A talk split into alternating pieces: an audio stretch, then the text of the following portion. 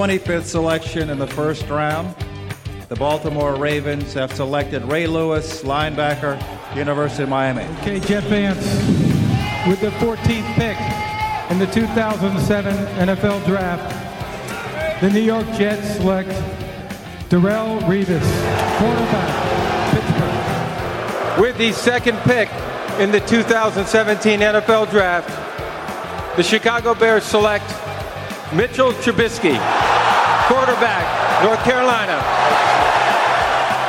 With the 256th pick of the 2009 NFL Draft and final pick, the Kansas City Chiefs select Ryan Suckup, kicker, South Carolina, and he becomes the 34th Mr. Irrelevant.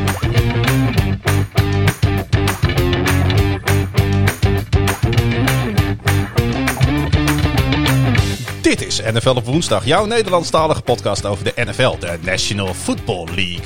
NFL op woensdag is een productie van KVM Media.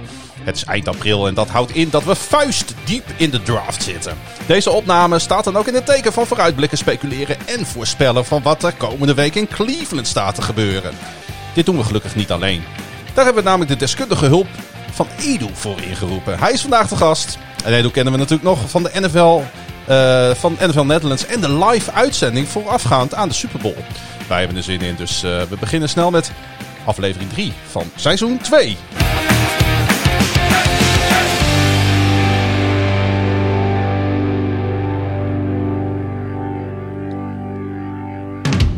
En dat doen wij nog altijd vanuit een gesloten proeflokaal Hooghout, gedempte Zuiderdiep 61 in de mooie stad Groningen. Het voelt niet gesloten. Nee, want wij zijn er. Ehm, nou weet ik dat ze hier eh, gaan verbouwen volgende week en daarna mogen ze weer open. Nou ja, de terrassen in ieder geval. Nou, je kan toch wel naar binnen voor het toilet. Ja, dat, eh, dat klopt. Ehm, met eh, tegenover mij en, ja, de goede verstaande, die hoorde hem al even voorbij komen. Pieter, Hallo. alles goed? ja. nee, maar laten we het daar niet over hebben. Oh, het gaat niet zo goed met Pieter, maar misschien dat als je nog een paar van die Ja, eh, blikken wegwerkt, eh, dat het allemaal goed komt deze Gedurende aflevering. de, de avond wordt het, eh, wordt het allemaal Dat wordt beter. steeds beter, hè? Ja. En eh, tegenover mij, voor de luisteraars eh, en niet voor de kijkers, Edu van NFL Netherlands. Yo, yo. Ja, voor de tweede keer eh, in partnership met ons voor de NFL aan, het, aan de slag. Voor NFL op woensdag meets NFL Netherlands. Jullie wilden me nog een keer hebben, dus dan, dan kom ik maar wat graag langs. Oh, de biertjes smaken zeer goed hier. Dus, Ik dacht dat het ontwikkelingshulp voor jou was. Een beetje, beetje de goedheid van je hart, ons een Mm. beetje, een beetje van beide. een beetje, van onze beide. kennis bijspijkeren. Ik kom graag langs, al helemaal als het over de draft gaat. Eh, Ja. Ik heb de afgelopen maanden veel college voetbal gekeken. Dus eh, ik hoop iets leuks te kunnen zeggen over eh, de spelers die aankomende donderdag van het bord gaan. Nou, dat wordt ook zeer gewaardeerd door ons dat jij er bent, omdat jij hier, hier veel kijk op hebt. En ja, laten wij dan ook maar gewoon eerlijk zijn. Laat ik in ieder geval voor mezelf spreken. Ik volg de NFL natuurlijk ja, op, op vrij, vrij intens. En ik vind het geweldig om dat te volgen. Maar om ook nog tijd vrij te maken om college heel erg te volgen, dat gaat mij wat te ver. Ja, dat snap ik volledig. Ik eh, moet eerlijk zeggen dat college voor mij pas begint na de Super Bowl. Ehm, en daarnaast volg ik ook niet echt college voetbal. Als in de wedstrijden zelf interesseren me niet zo heel veel. Ik kijk echt alleen voor de spelers ook. Dus ik wil mezelf ook geen college voetbal fan noemen. Maar ik denk wel dat ik... eh, ik probeer in ieder geval voor mezelf altijd een aardig beeld te krijgen van welke spelers Ja. er... eh, Nou, dat maakt jou in de ieder geval de ideale gast voor deze aflevering, denk ik. Geen fan, wel een kenner. Ja, en eh, totaal geen fan, nee. nee. nee, kun je trouwens uitleggen waar dat in zit? Dat je wel fan bent van de NFL en college voetbal wat minder aantrekkelijk vindt? Eh, totaal geen fan was een beetje overdreven. Maar waar, waar het vooral in zit voor college voetbal voor mij is dat een, een college voetbalwedstrijd is zo lang. Misschien ben ik de enige die dat vindt. Maar ik heb altijd het gevoel dat ik voor een college voetbalwedstrijd echt de hele avond moet uitzitten. Dat je makkelijk 3,5, 4 uur na een wedstrijd aan het kijken bent. En ja, dat, dat gaat me gewoon een klein beetje ver. Ik vind de playoffs en zo vind ik nog wel leuk. Maar wat het, de NFL zo mooi maakt is dat er ook gewoon nog enigszins overzichtelijkheid is met de teams. En bij college heb je zoveel teams en zoveel verschillende conferences en zoveel verschillende ditjes en datjes dat ik het vrij lastig vind om te volgen. En nou helemaal als het op hetzelfde moment valt als Ja, en dan heb je die, aan het eind van het seizoen die rare ratings. Dat teams dus door een soort van jury gereed worden. In plaats van naar eigenlijk. eh, Oh, ja, wat- voor, die, eh, voor die bowl games. Ja, wat, Wat, wat, wat hun daadwerkelijke level is. Dus ja, er zit altijd. eh, NFL is inderdaad overzichtelijk, duidelijk. clear als dat je record is, dan is dat wat je bent. Wat, vindt, eh, wat vind jij van college, Klaas-Jan? Ja, eh, Als, als, als sp- sporadische kijker. nou ja, ik val er wel eens in en dan blijf ik vaak hangen, omdat het vaak wel spectaculair is. Er wordt heel veel gescoord. Er wordt ook soms matig verdedigd. En je hebt natuurlijk, ja, we hebben nu natuurlijk een coronajaar achter de rug. Maar als, je, als ze echt in zo'n groot stadion spelen en daar zitten 80.000 mensen te kijken. Ja, dan is het ongelooflijk. eh, dan, dat, het decor doet dan ook wat met je als kijker. Dus de sfeer is, is er vaak wel. Ja, en die is ongeëvenaard. ik vind het eh, technisch vind ik het eh, altijd wel wat minder. Want het zijn altijd maar een, een handvol eh, base packages waar ze, waar ze vaak uit spelen in college. Tenminste, Mm. dat idee heb ik. Dat ze niet, niet heel diep in de playbooks gaan op de een of andere manier. Het, zijn altijd, eh, het, is, het is relatief beperkt ten opzichte van wat de NFL soms doet. Sowieso Maar mijn, mijn, grootste, ja, mijn grootste probleem met college is gewoon dat als je daar bij een collegewedstrijd op de tribune is geen bier en bij de NFL wel. Ja. En dat is, eh, daarom duren die collegewedstrijden ook zo lang. Want da- daar bij Northwestern waar wij zaten, Wij dat duurde en dat duurde. en jongen. het was mijn- koud. Ja, mijn ballen waren vastgevroren aan die, aan die bankjes daar. Dat, dat was echt niet leuk meer. Nee, nee, en het was ook niet zo'n leuke wedstrijd. Ja, dan is het inderdaad wel lang. En dan is eigenlijk de tailgate vooraf en na is eigenlijk leuker. Maar goed, dat- Shotjes fireball. Dat verklaart misschien wel waarom dat eh, college voetbal, vooral in het zuiden van eh, Amerika, heel, heel erg groot is. Ja. Eh, het zit je misschien toch wat lekkerder dan, eh, dan in- Ja, dat in- zou tegen de kunnen, grens ja. van Canada. dat zou zomaar kunnen. Hey Edu, jij woont eh, net als eh, wij tweeën in, eh, in Groningen. Kun je misschien nog wat meer over jezelf vertellen? Wie, wie ben je, waar kom je vandaan en waarom eh, woon je in Groningen nu? Ik, eh, ik, ik ben Edo. Eh, ik, ik kom oorspronkelijk eh, uit Amsterdam. Eh, ben daar ook eh, opgegroeid en voor de studie hierheen gekomen. Ben in aanraking gekomen met American voetbal toen ik 15 was. Begonnen met spelen bij de Amsterdam Panthers. Shout-out naar de Amsterdam Panthers. Ehm, en ik heb nu, ben nu, word nu 25 over een maand. Dus eh, ik heb nu bijna 10 jaar achter elkaar American voetbal gespeeld of gecoacht. Ook hier in Groningen bij de Groningen Giants. Want je was, eh, als ik het goed heb, wide receiver coach hier. Offensive coordinator. Ja. Offensive coordinator. Ja, sorry. Dat is, oh, oh.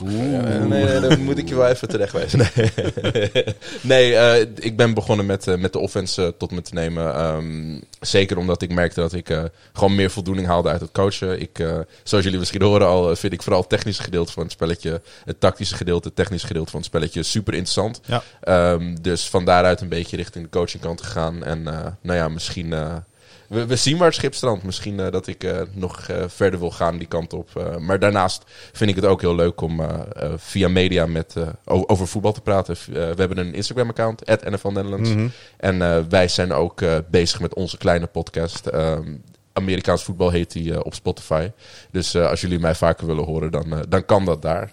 En wie wil niet naar het stemgeluid van Edu luisteren, zou ik bijna willen zeggen. Ja, ik wel. Nou, hey, laten, we eens, eh, laten we eens even de mensen meenemen in wat we ook een beetje gaan doen. Eh, ja, deze podcast, geen idee hoe lang die precies gaat duren. Eh, Zoals altijd. ook. Zoals altijd, we hebben wat laatste nieuws. Maar eh, ik denk dat we daarna toch vrij snel in die eh, draft gaan duiken. En we hebben toch eh, gemeend dat het eh, een goed idee was om eh, met z'n drie een mock draft te doen. Waarbij we niet alle drie eh, constant gaan pikken, maar dat gaan we om en om doen. Aangevuld met ja, wat we daarvan vinden, welke spelers komen er voorbij, wat vinden we van die spelers. Wat vinden we van die spelers in relatie ook tot de needs van de teams die voorbij komen.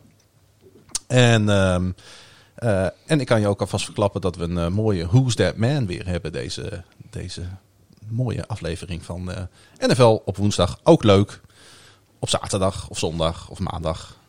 Of Dinsdag. dinsdag. Dinsdag is de mooiste dag. Eigenlijk wel. Ehm, hey, laatste nieuws. Wat, eh, wat voorbij kwam eh, de afgelopen twee weken. Gaan we niet heel erg ons op richten. Omdat we toch echt wel met die draft bezig willen. Maar we kunnen eigenlijk niet om één man heen. En dat is Alex Smith. Voormalig biertopper, als ik mij niet. Zeker, ja, ja, ja. Dat was eh, geheel terecht, want hij kwam natuurlijk eh, terug bij Washington voetbalteam na die eh horrorblessure. Ja, nou, dat was natuurlijk wel een heel mooi verhaal. Was hij, is hij niet ook officieel comeback player of the year geworden? Eh, ik geloof Ja, het wel. Ja, hij ja, ja. gewonnen. ja, ja. Met eh zilverwerk is hij, eh, heeft hij zijn carrière afgesloten. En de biertopper Ja. natuurlijk. Twee, Ja. twee prijzen. Ja, nou, er gaat bij eigenlijk geen, geen week voorbij dat er niet een voormalig biertopper in het nieuws is. Ja. En, eh, en als dat niet zo is, dan, dan is er vast wel een toekomstig biertopper in het nieuws. Maar hij gaat nu met pensioen. Eh, eh, ja, het was een beetje de feel-good sto- feel-good story van de afgelopen NFL-seizoen, denk ik. Ja. Geen grootste daden meer, maar het verhaal aan zich was natuurlijk een Ja, be- beetje met ruzie weggegaan. Kon niet zo goed met Ron Rivera, heb ik ook begrepen. Maar ja, alsnog fantastisch dat we hem eh, nog weer een keer een bal hebben zien gooien. Ik, ik moest wel zeggen dat ik eh, zeker aan het einde van het seizoen wel mijn hart vasthield hoor. Elke keer als hij eh, achteruit liep in de pocket. Eh, dat je toch wel bang was van als er een, een jongen verkeerd op hem valt, dan, eh, dan gaan we weer met zijn knie. Weet je wat wij hier met Arjen Robben hebben, zeg maar. Precies, precies. Ik denk dat dat een hele goede vergelijking is. Dat, eh, dat Arjen Robben misschien wel een beetje eh, de, de, de Alex Smith wat dat betreft, Ja. eh, zeker van zijn laatste jaren van zijn NFL-carrière is. Behalve dan dat Arjen Robben wel serieuze prijzen heeft gewonnen eh, in zijn carrière. Maar hij heeft voor mooie teams gespeeld, toch? Champions League is niet kinderachtig natuurlijk. Dat, dat, dat is zeker waar. Hij stond in de Super Bowl, maar dat, dat, dat, dat rekenen we natuurlijk niet als prijs. Nee, maar goed, Robben stond in de WK-finale. Alex Smith, dus voormalig, voormalig biertopper. eh. Nou, ja, sportief was het misschien dit seizoen niet helemaal wat, wat, wat, wat we er eigenlijk van gehoopt hadden om, om, om het verhaal echt, denk ik, op zijn mooist te maken. Maar eh, laten we alsjeblieft met z'n allen blij zijn dat, dat na zo'n blessure die man nog gewoon kan genieten van, eh, van een leven na de NFL Nou ja, op een normale manier. Hallo, zijn leven was on the line, zoals ze Nou dat ja, zeggen en, in en Amerika. niet alleen zijn leven, ja, zijn been. Ja, Ik bedoel, hij, hij kan gewoon met zijn kinderen gaan wandelen en een beetje backyard ball gaan spelen straks. en dat is denk ik meer waard dan, dan wat hij verder dit seizoen had kunnen winnen. Ja, en hij heeft een mooie carrière gehad, toch? Ik bedoel, eh, je moet ook weten wanneer je zeker. houden. Drie, eh, drie eh, Pro Bowls heeft hij gespeeld in 2013, 16, 17. De voormalig eerste ronde pick, eerste keuze in de eerste ronde pick moet ik zeggen, van 2005. En ja, een aantal mooie teams achter zijn naam staan. Hè. De Chiefs heeft hij gespeeld, de, voor- voor de 49ers natuurlijk, waar hij gekozen is. Ja, er zijn, er zijn mindere teams te bedenken om je carrièrepad mee te vullen. Zeker, hij, eh, hij was over eh, Aaron Rodgers gegaan toen. De California kid, die Ja. eh, een stuk later in die draft richting eh, Green Bay ging. Dus de 2005 draft class. Ja, een, een mooie carrière voor, eh, voor Alex Smith. En eh, ik, ik, ik, ik hoop, ik gun hem het beste in, in, in de rest van, eh, van zijn leven. En wie weet zien we hem op tv. Amen. Laten we naar die andere Smith gaan. Want daar was ook wat over te melden, Pieter. Elden Smith. Ja, Ja, dat, eh, die, die kwam wat minder eh, feel-good eh, story-wijs in het nieuws. Ja. Ehm, nou ja, hij, had, hij heeft zichzelf maar gemeld op politiebureau deze keer. Hij is in opspraak geraakt. Hij was betrokken bij een vechtpartij bij een koffiezaak in Louisiana. En nou ja, dat, is niet, niet echt de eerste keer dat, dat deze jongen in, de, in de problemen raakt. Tussen 2013 en 2017 heeft hij in die vijf seizoenen slechts 27 wedstrijden gespeeld. eh 21 keer als starter. Maar verder werden die jaren vooral eh ontsierd door een lange reeks van arrestaties en schorsingen. eh, voor zaken als rijden onder invloed, ik geloof een keer of vier, vijf. eh, geweldpleging, al dan niet binnenshuis of op straat of, of Ja. whatever. verslavingsproblematiek volgens mij Ja, ook. hij, eh, hij heeft eh, een poosje in een afkeerkliniek gezeten. Nu weet ik, ik geloof dat dat was voor alcohol. Maar goed, dat is natuurlijk eh, ook geen pretje. Vorig jaar mei werd zijn schorsing door Roger Goodell eh, opgeheven. En na dus een, een niet al te succesvolle periode bij de... eerst bij de Niners, die hem ook gedraft hebben. San Francisco 49ers. En later bij de Las Vegas Raiders... eh, kwam hij vorig jaar eh, in dienst bij de Dallas Cowboys. Daar heeft hij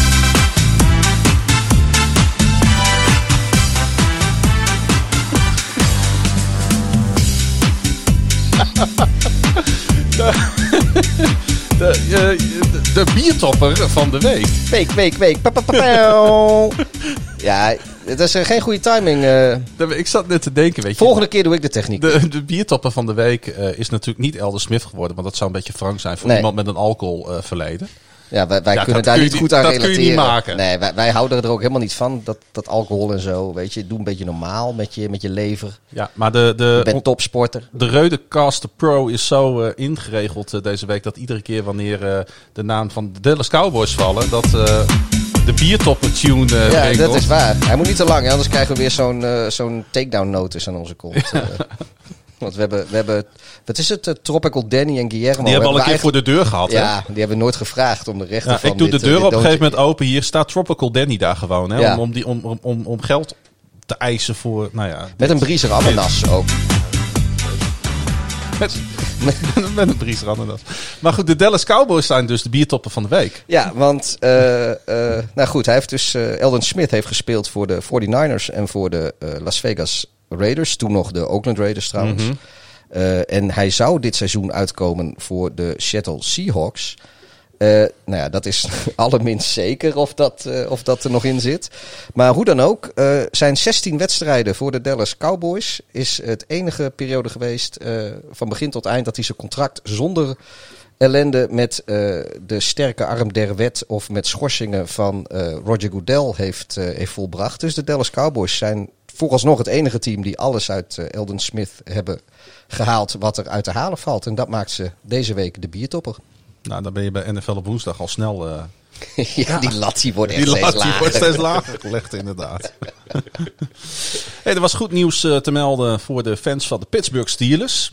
Ik kan me niet voorstellen dat ze er zijn, maar goed, ze zijn er. Ehm, want Mike Tomlin, de headcoach, heeft. Waarom? heeft voor drie jaar bijgetekend bij die Pittsburgh Steelers. En eh, dat lijkt mij gewoon goed nieuws, of niet, Edu? Want eh, stabiliteit eh, is een groot goed in de NFL.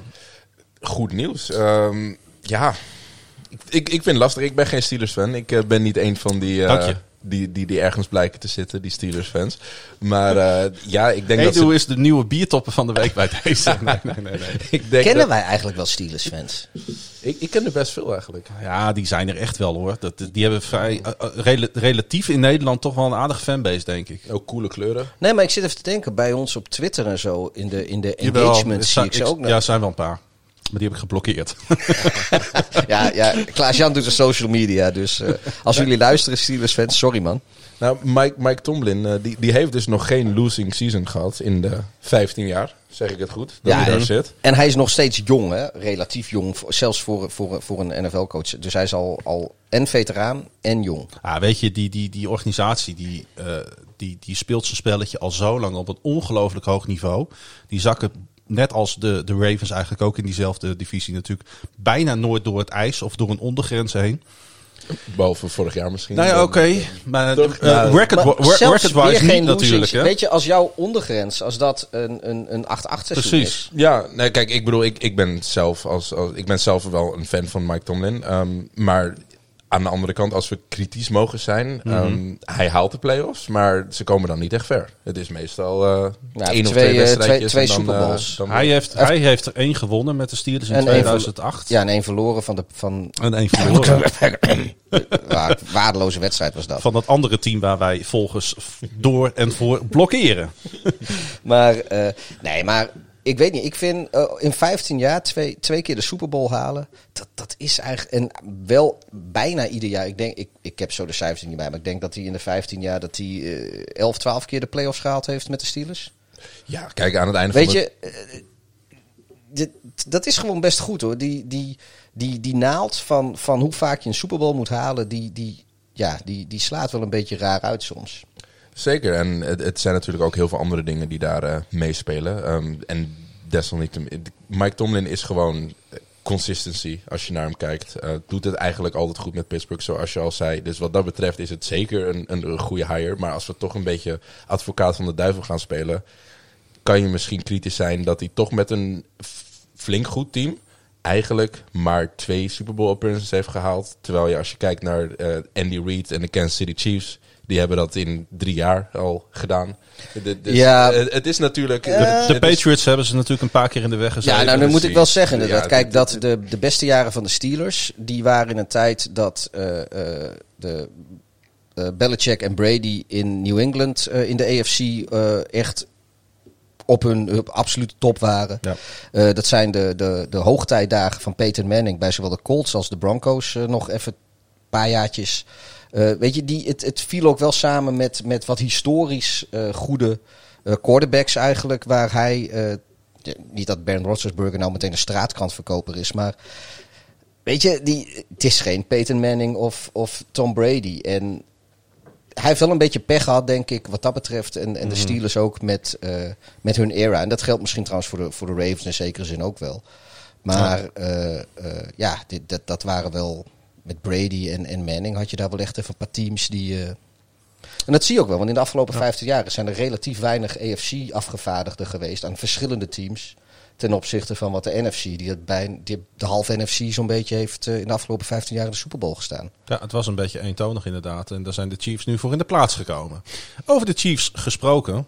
ehm, want eh, tot en met deze podcast kwam er na die grote San Francisco Miami eh, Eagles trade situatie niet zo heel groot Ja, nieuws dat meer van dat front. Heel nieuwe betekenis aan, aan het begrip driehoekshandel. Ja, precies.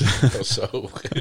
Ehm, de, de, de, de- ja, ik weet niet wat voor verhouding dat nou weer is. Maar goed. De eh, Kansas City Chiefs en de Baltimore Ravens die hebben. eh, hebben het kwam nog, dat zijpelde nog net even binnen voor ons.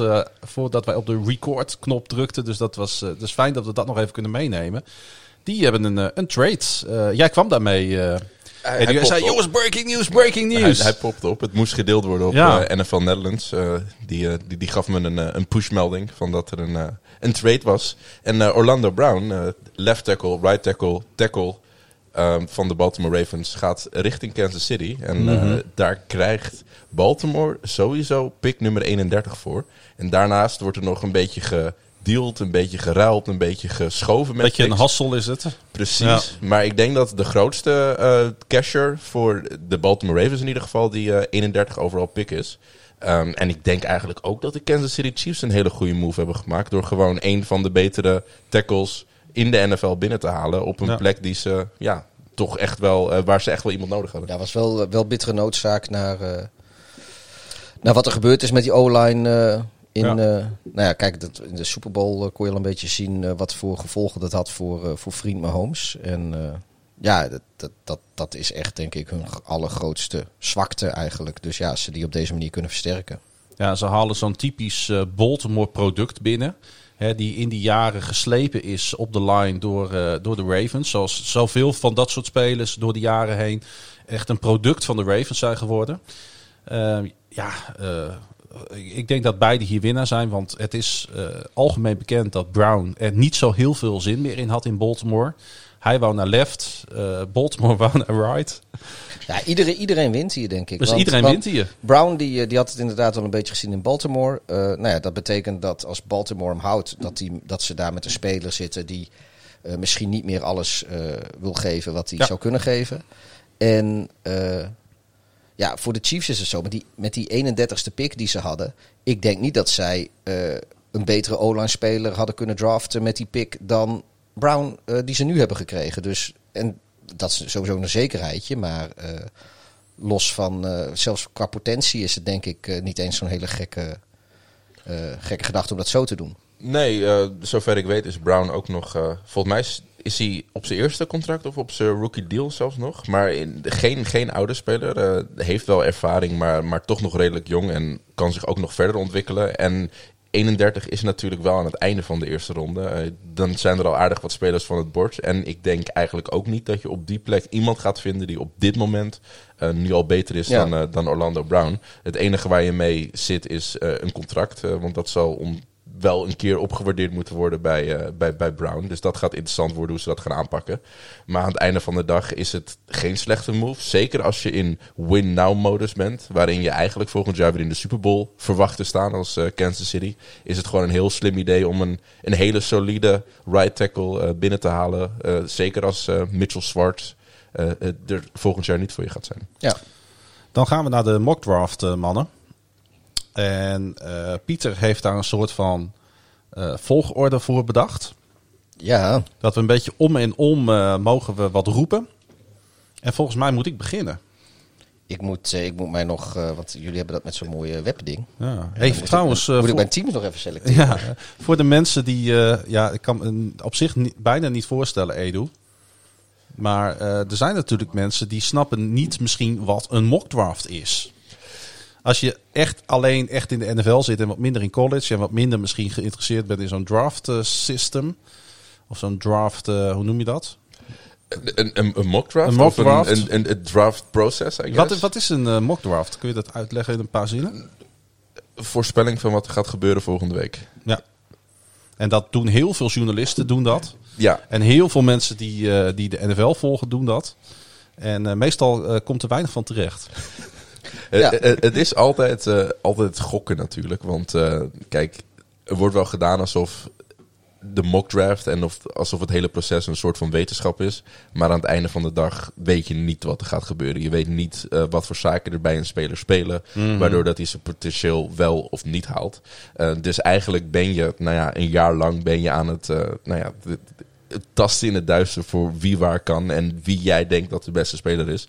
Maar aan het einde van de dag gebeurt er eigenlijk op de draft zelf altijd iets anders. Dus het is, ja, het is, een, het is een beetje gokken, maar het is wel een goede manier om te zien wie er een beetje de consensus hoogste spelers zijn. En van wie je dus aankomend jaar al wat kan verwachten. Als je een fantasy voetbalfan bent, is dit altijd leuk om mee te krijgen van welke aanvallende talenten er aankomend jaar inkomen. Eh, en het is natuurlijk ook mooi om te zien eh, welke, welk grote talent jouw favoriete team eh, uitkiest. En van wie je het de aankomende jaren moet gaan verwachten. Beginnen we in Florida met de Jacksonville Jaguars. En zij gaan eh, Trevor Lawrence draften. Ehm, en daar is eh, denk ik algehele consensus over hier aan de stamtafel van Proeflokaal Hooghout, lijkt me. Ik, ik denk dat die algehele consensus eh, verder gaat dan eh, deze stamtafel hier. Ja. En En ik, ze niet meer bij pick 20. nee, dat denk ik niet. En ik dacht misschien eh, omdat hij... Omdat hij al natuurlijk de obvious is, dacht ik van misschien kunnen we een, een soort van ingekorte Who's That Man even doen over deze man. Hè, want hij is toch de grote naam in deze draft. Hij komt van Clemson. Hij is 21 jaar en hij werd geboren als William Trevor Lawrence in Knoxville. En dan weet jij wel in welke staat dat is. Is dat eh, de Knoxville in Tennessee? Zeker. En hij eh, groeide op in, eh, in Washington County. Voordat zijn familie verhuisde naar Cartersville. Ehm, waar hij voetbal speelde. Cartersville is trouwens een suburb van Atlanta. Dus daar heeft hij een groot deel van zijn jeugd doorgebracht. En vanaf zijn zesde levensjaar was hij, was hij al quarterback. Dus je ziet heel vaak natuurlijk dat, eh, eh, dat, dat, ehm, dat, dat quarterbacks beginnen op een andere positie. Of heel goed zijn in basketbal. Of heel goed in baseball. Dat zie je bij, bij al die andere quarterbacks eigenlijk terug. Maar hij was eigenlijk eh, ja, geboren om quarterback te worden. Op middelschool werd al snel duidelijk dat hij een van de beste quarterbacks in de staat was. En ehm, nou ja, laat ik niet eh, allemaal, eh, eh, hoe noem je dat, statistieken gaan opnoemen. Wat ik wel grappig vond, is dat hij na drie wedstrijden op Cartersville High School al benoemd werd tot quarterback, startende quarterback. En toen moest ene Miller Forrestal moest van die quarterback positie af. Die werd op de positie van tight end neergezet. Toen dacht ik van, daar ga ik eens even zoeken of die, eh, of die Miller Forrestal... Of die nog wat gemaakt heeft van zijn leven? Ja, precies. en hij... eh, Van de drank en de drugs ergens met Eldon Smith in een afkeerkliniek? Of? Nee. Nee, hij is namelijk ook gewoon eligible voor de draft van dit jaar. Oh, Als tight end. En ook niet bij een verkeerd programma zie ik nu. Ik eh, dacht ik pop hem er even bij. eh, Ja. Maar bij de, bij de Crimson Tide. Ja. Dus de tight end van eh, andere ster QB in deze draft, waar we het later nog over gaan hebben, Mac Jones. Dus interessant. Interessant hè. Hij, wordt, hij wordt wel als tight end gerankt als 24ste in deze draft. Daarmee vrees ik dat hij buiten, eh, buiten die zeven rondes gaat vallen. Maar het zal me niet verbazen als hij daarna wel ergens opgepikt wordt. En als undrafted agent eh, ergens terechtkomt in de NFL. Dus dat vind ik dan weer zo'n leuke speler zeg maar, om even te volgen. Van komt hij nog ergens terecht en gaat hij dan wat van zijn carrière maken? ja, zeker als, eh, als ze straks allemaal weer in person die, die pre-season programs hebben, dan, dan, dan zijn er teams die gaan zo'n shitload spelers en tight ends. hebben ze 7, 8 tight ends. hebben Precies. eh, En misschien heeft eh, Trevor nog het nummertje van, eh van Forrestal. Of Miller. Ja. Miller was zijn voornaam, hè? Ja, ze, nee, ja, zijn voornaam is Miller. Miller Forrestal. Nee, en eh, even terug naar, onze- naar, onze, naar de eerste, eerste, ik wou bijna zeggen naar onze Who's That Man. Maar naar de eerste pick, zoals die gaat wou je wel vallen. spoileren? Hij zette uiteindelijk een winning streak neer van 41 wedstrijden op Cartersville. Nou, dat, dat mag er zijn. Een 52-2 record uiteindelijk. Zijn enige twee nederlagen waren in de playoffs. En, vond ik ook wel leuk, hij verbrak de Sean Watson state record voor passing yards en touchdowns. Dat is ook niet de minste die hij daar even voorbij streeft. Absoluut niet. Eh, vanaf het moment dat Trevor Lawrence eh, zich inschreef bij eh, Clemson University, wist iedereen eigenlijk al dat hij nummer 1 zou gaan in de NFL draft. Een beetje een LeBron James prodigy eh, Ja. opbringing. Hij, hij wou daar in eerste instantie trouwens niet heen. Hè. Zijn roots die liggen natuurlijk in Tennessee. Dus hij wou eigenlijk een volunteer worden.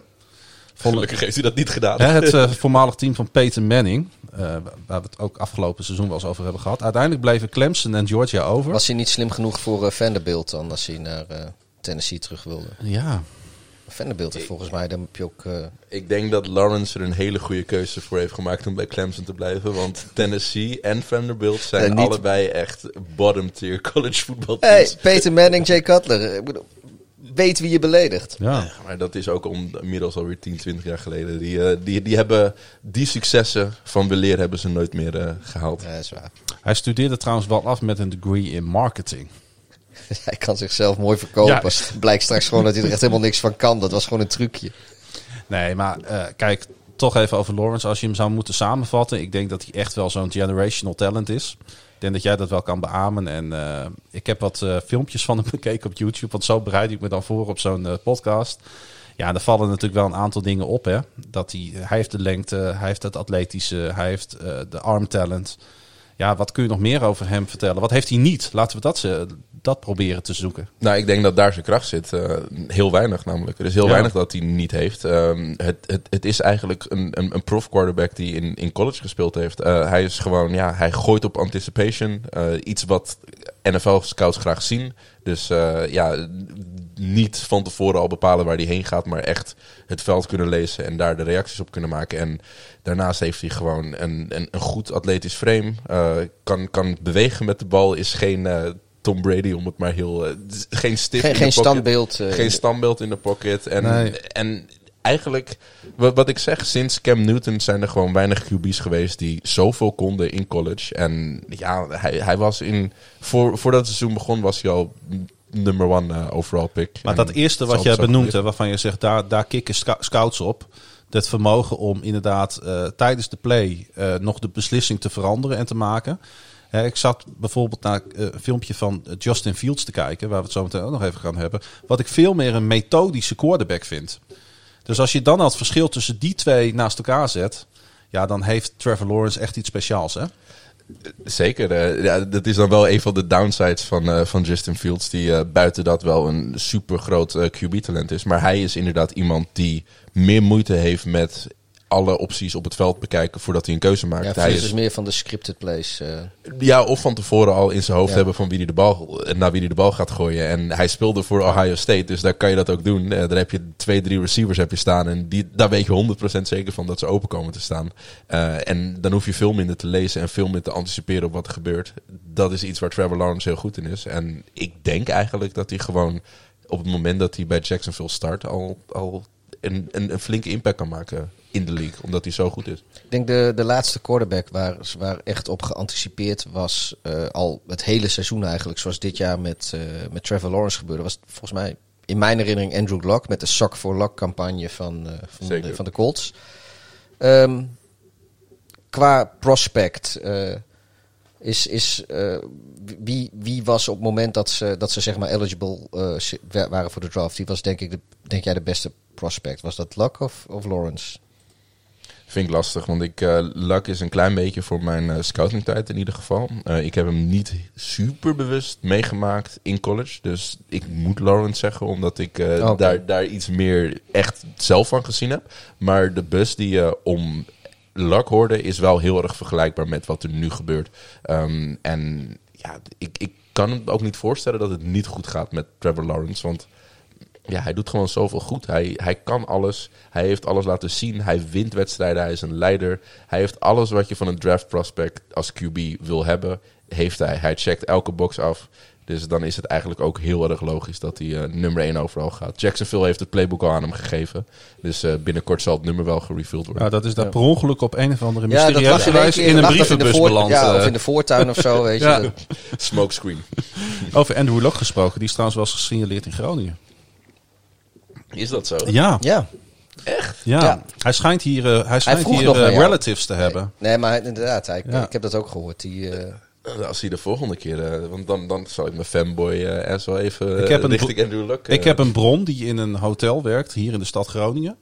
En die heeft ooit eh, meneer E. Lak uit, eh, uit Indianapolis ingecheckt in zijn hotel. Ja, en hij dacht van, nou, dit, fuck it, dit, weet je, dit is gewoon een pseudoniem van iemand anders of zo. Die Ja. toevallig American Football fan is. Er moest nog één iemand inchecken. En inderdaad, om half één s'nachts komt eh, op een gegeven moment zwaait de deur van het hotel open. En komt Andrew Luck komt het hotel hier in Groningen in binnengewandeld. De neckbeard himself. Ja. Ja, de volgende ja. keer als hij hier in de stad is, dan zullen we eens kijken of die misschien een, een potje kan offensive coordinator bij de Giants voor jullie. Misschien kun je nog wat van hem leren, ik heb geen idee. Of hij van jou. ik, ik, ik denk dat eerder, ja. Eh, Kijk, eh, hoe, hoe onze, de Nederlandse kijk op American voetbal, of je dat mee kan nemen terug naar, eh, naar Amerika. En ik zie hier nog een open microfoon, dus misschien kan je hem hier in het proeflokaal neerzetten. Dan moeten Ja. we ook een beetje in het Engels gaan podcasten. Ja, maar dit zijn toch de verhalen waarvoor je NFL op woensdag luistert, hè, zou je Ja, ik heb dit nog niet gehoord bij de concurrentie, dit soort primeurs. Ik, wil niet, ik, ik, ik, ik wil verder geen shade gooien, maar is wel waar. Nee, we gaan naar eh, de tweede pick in, eh, in deze aanstaande draft. En die, mag, die is voor jou. En die is ook voor jouw team trouwens. Ja, New York Jets fan. Eh, vraag me niet waarom, maar eh, ik ben het wel. Waarom wit? Mooie kleuren. Ja, vind ik wel. Daar zijn we het wel over eens. Eh, pick nummer twee, eh, QB, moet. Sam Darnold is weg. Eh, op dit moment is eh, de starting QB JP Morgan. Ik weet niet eens hoe die heet, maar hij, hij was rookie vorig jaar. Heeft geen minuut gespeeld, geen wedstrijd gespeeld, geen snap gespeeld. Dus we hebben een quarterback nodig. Eh, er staan er nog drie op het bord. Ehm, Zach Wilson, Justin Fields, Trey Lance. In mijn ogen zijn Zach Wilson en Justin Fields een stapje verder dan Trey Lance, omdat ze meer wedstrijdervaring hebben. Ehm, en als ik tussen die twee moet kiezen en de nieuwsberichten die mee zijn gegaan, eh, denk ik dat Zach Wilson eh, aankomende donderdag een nieuwe Jet wordt. Ehm, er is al gezegd dat hij onderzoek doet naar marketing agencies in New York. eh, dat hij uit gaat kijken naar hoe de press in New York werkt. En Ja. hij heeft al verschillende gesprekken gehad met oud-Jet-spelers. Dus de kans is groot dat Zach Wilson van BYU eh, een Jet wordt. Dan eh, gaan wij die invullen. Wist je trouwens dat de vader van, van Zach Wilson defensive lineman is geweest maar voor Utah? Nee. Nou, bij deze. Maar ik heb het gevoel dat jullie heel veel feitjes hebben die ik nog niet weet. Dus, eh, Ja. Ik weet trouwens dat de grootvader van, eh, van moederskant eh eh begenadigd kogelstoter was. Weet ik ook. ik, ik, ik heb ook nog wel een leuke. ik heb ook nog wel een leuke. Nou, zijn, ja. nummer twee receiver, ehm Mitt, is de zoon van Mitt Romney. Gunnar Romney. Oh, kijk. Al- Kijk, maar als we, als, we, als we zo tegen elkaar gaan opboksen. Wist je dat Zach Wilson nog een andere oom had, ene David Nealman. En dat hij de oprichter is van JetBlue Airways? Ja, dat wist ik. Dat wist ik. Oh, Nee, dat wist ik niet. het is best wel een grote luchtvaartmaatschappij in Amerika namelijk. ja, Ja. nou, BYU is ook een, eh, een goed aangeschreven universiteit. Eh, dus het verbaast mij helemaal niks dat daar eh flink wat grote namen lopen. Allemaal Mormons. Dat is echt het raarste voetbal Ja, in, eh, in, het, in het- college ja, weet je, dit is ook weer zo'n zo'n zo'n feitje uit, uit, uit die rare spaghetti die in mijn hoofd leeft, wat niemand eigenlijk wil weten. Maar ik versta altijd Brigham Young. En dat is dan zo- zo'n enorme religieuze universiteit. En ik heb er altijd hele. Maar het is Brigham Young. En dat weet ik heus wel, maar ja, niemand heeft hier wat aan. Maar bij deze. De, ik weet niet, misschien, misschien niet de enige, maar wel de grootste Mormon universiteit eh, in, in de VS. En het, het, mooie daarvan is, omdat er dus zoveel Mormons spelen, die vaak voordat ze eh, naar college gaan, op missie gaan, waarin ze drie, vier jaar ehm, of een, aant- een tijd in het buitenland eh, vertoeven. Voordat ze richting, richting de college gaan, eh, heeft BYU altijd het oudste team in college voetbal. Dus die hebben best oh wel die vaak- gaan op eh, Room Springa natuurlijk. ja, nee, precies. Want die hebben dan best wel vaak gewoon drie, vier gasten van boven de 25 op hun team staan.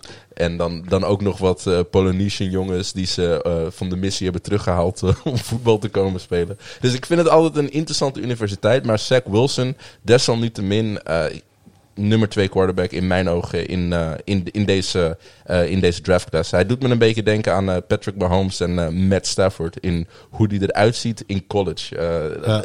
we hebben het over college Patrick Mahomes, dus verwacht niet te veel. Maar Nou, qua accutaresse komt het denk ik dicht in de buurt. Want ik denk dat voorna- voornamelijk zijn accutaresse lijkt wel een soort van natuurlijk aangeboren bij hem. Ja, Alsof het hem geen moeite kost om precies right on the money die ballen neer te leggen. zeker. Heeft een ongelooflijk snelle release. Kan de bal op elke manier, van elke stand kan hij hem gooien. En ja, accuraat. Eh, een hele goede speler. En ik ben benieuwd hoe die past in deze nieuwe New York Jets offense. Ja. Hebben we nog eh, andere Super Bowl winnende quarterbacks die eh, van BYU komen? Toevallig eh, voor aan ons hoofd zitten. Ik, ik, ik kan Ook bekend van een zweetbandje om een hoofd, eh, net als eh, Zach. Wilson. Eh, Mr. Steve Young. Toch? Van Ja. de 49ers. We hebben nog één met twee ringen. Dat, dat, dat, dat was al mijn BYU-kennis. Ik weet dat Siggy Eli Manning. gespeeld heeft. Jim McMahon. Oh, 85 Bears en de 98 Packers. Ik was de enige speler die met twee ringen even nu in mij opkwam. Ik weet wel dat Eli Manning daar niet gespeeld heeft. Ehm, eh, in ieder geval, eh, ik eh, hoop dat je daar veel plezier aan gaat beleven. Ik gun het je in Ik ieder geval. En ik gun het ook de vele Jets-fans die luisteren. We gaan naar de derde keuze, de derde pick. En die is natuurlijk voor de San Francisco 49ers. Die daarvoor getrade hebben met de Miami Dolphins. Ja, En wat gaan zij dan in vredesnaam... Ik zal trouwens even Zach Wilson op de sheet zetten. Want we houden het eh, even bij. Eh, wat gaan die in vredesnaam doen? Want die hebben zichzelf in een aardig lastig pakket gevrinkt, heb ik het idee. ja ik, ik wil het wel zeggen, maar zolang ik het riedeltje niet gehoord heb, sta ik niet op de klok. Oh ja, we hebben een riedeltje. Dat is ook zo. Zo, bij pick nummer 3 beginnen we ermee. Ja, die zit nog niet echt in het systeem. eh. Ik ben de enige die oplet. Nee, ik, ik, dacht- ik er ook drie net pas aan hoor. En nog even eentje voor de derde pick. Dan gaan we naar de derde pick. Die is voor de San Francisco 49ers na een eh, trade met de Miami Dolphins. En with the first selection, overall. Nee, dat wordt, eh, dat wordt Justin Fields.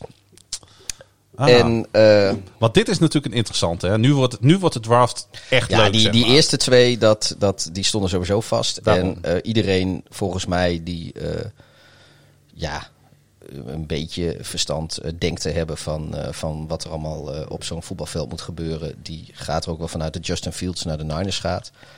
Ik geloof dat er her en der in de media wel heel veel mensen zijn die zeggen Mac Jones. Ja, ik had Mac Jones ik, ik, nog kan steeds mij, staan. ik kan mij serieus niet voorstellen dat je, dat je naar de derde plek overal gaat voor Mac Jones. Hm. Dan had je volgens mij ook wel, weet ik veel, 5, 6, 7 eh, die kant, Detroit of zo, had je mee kunnen treden waarschijnlijk.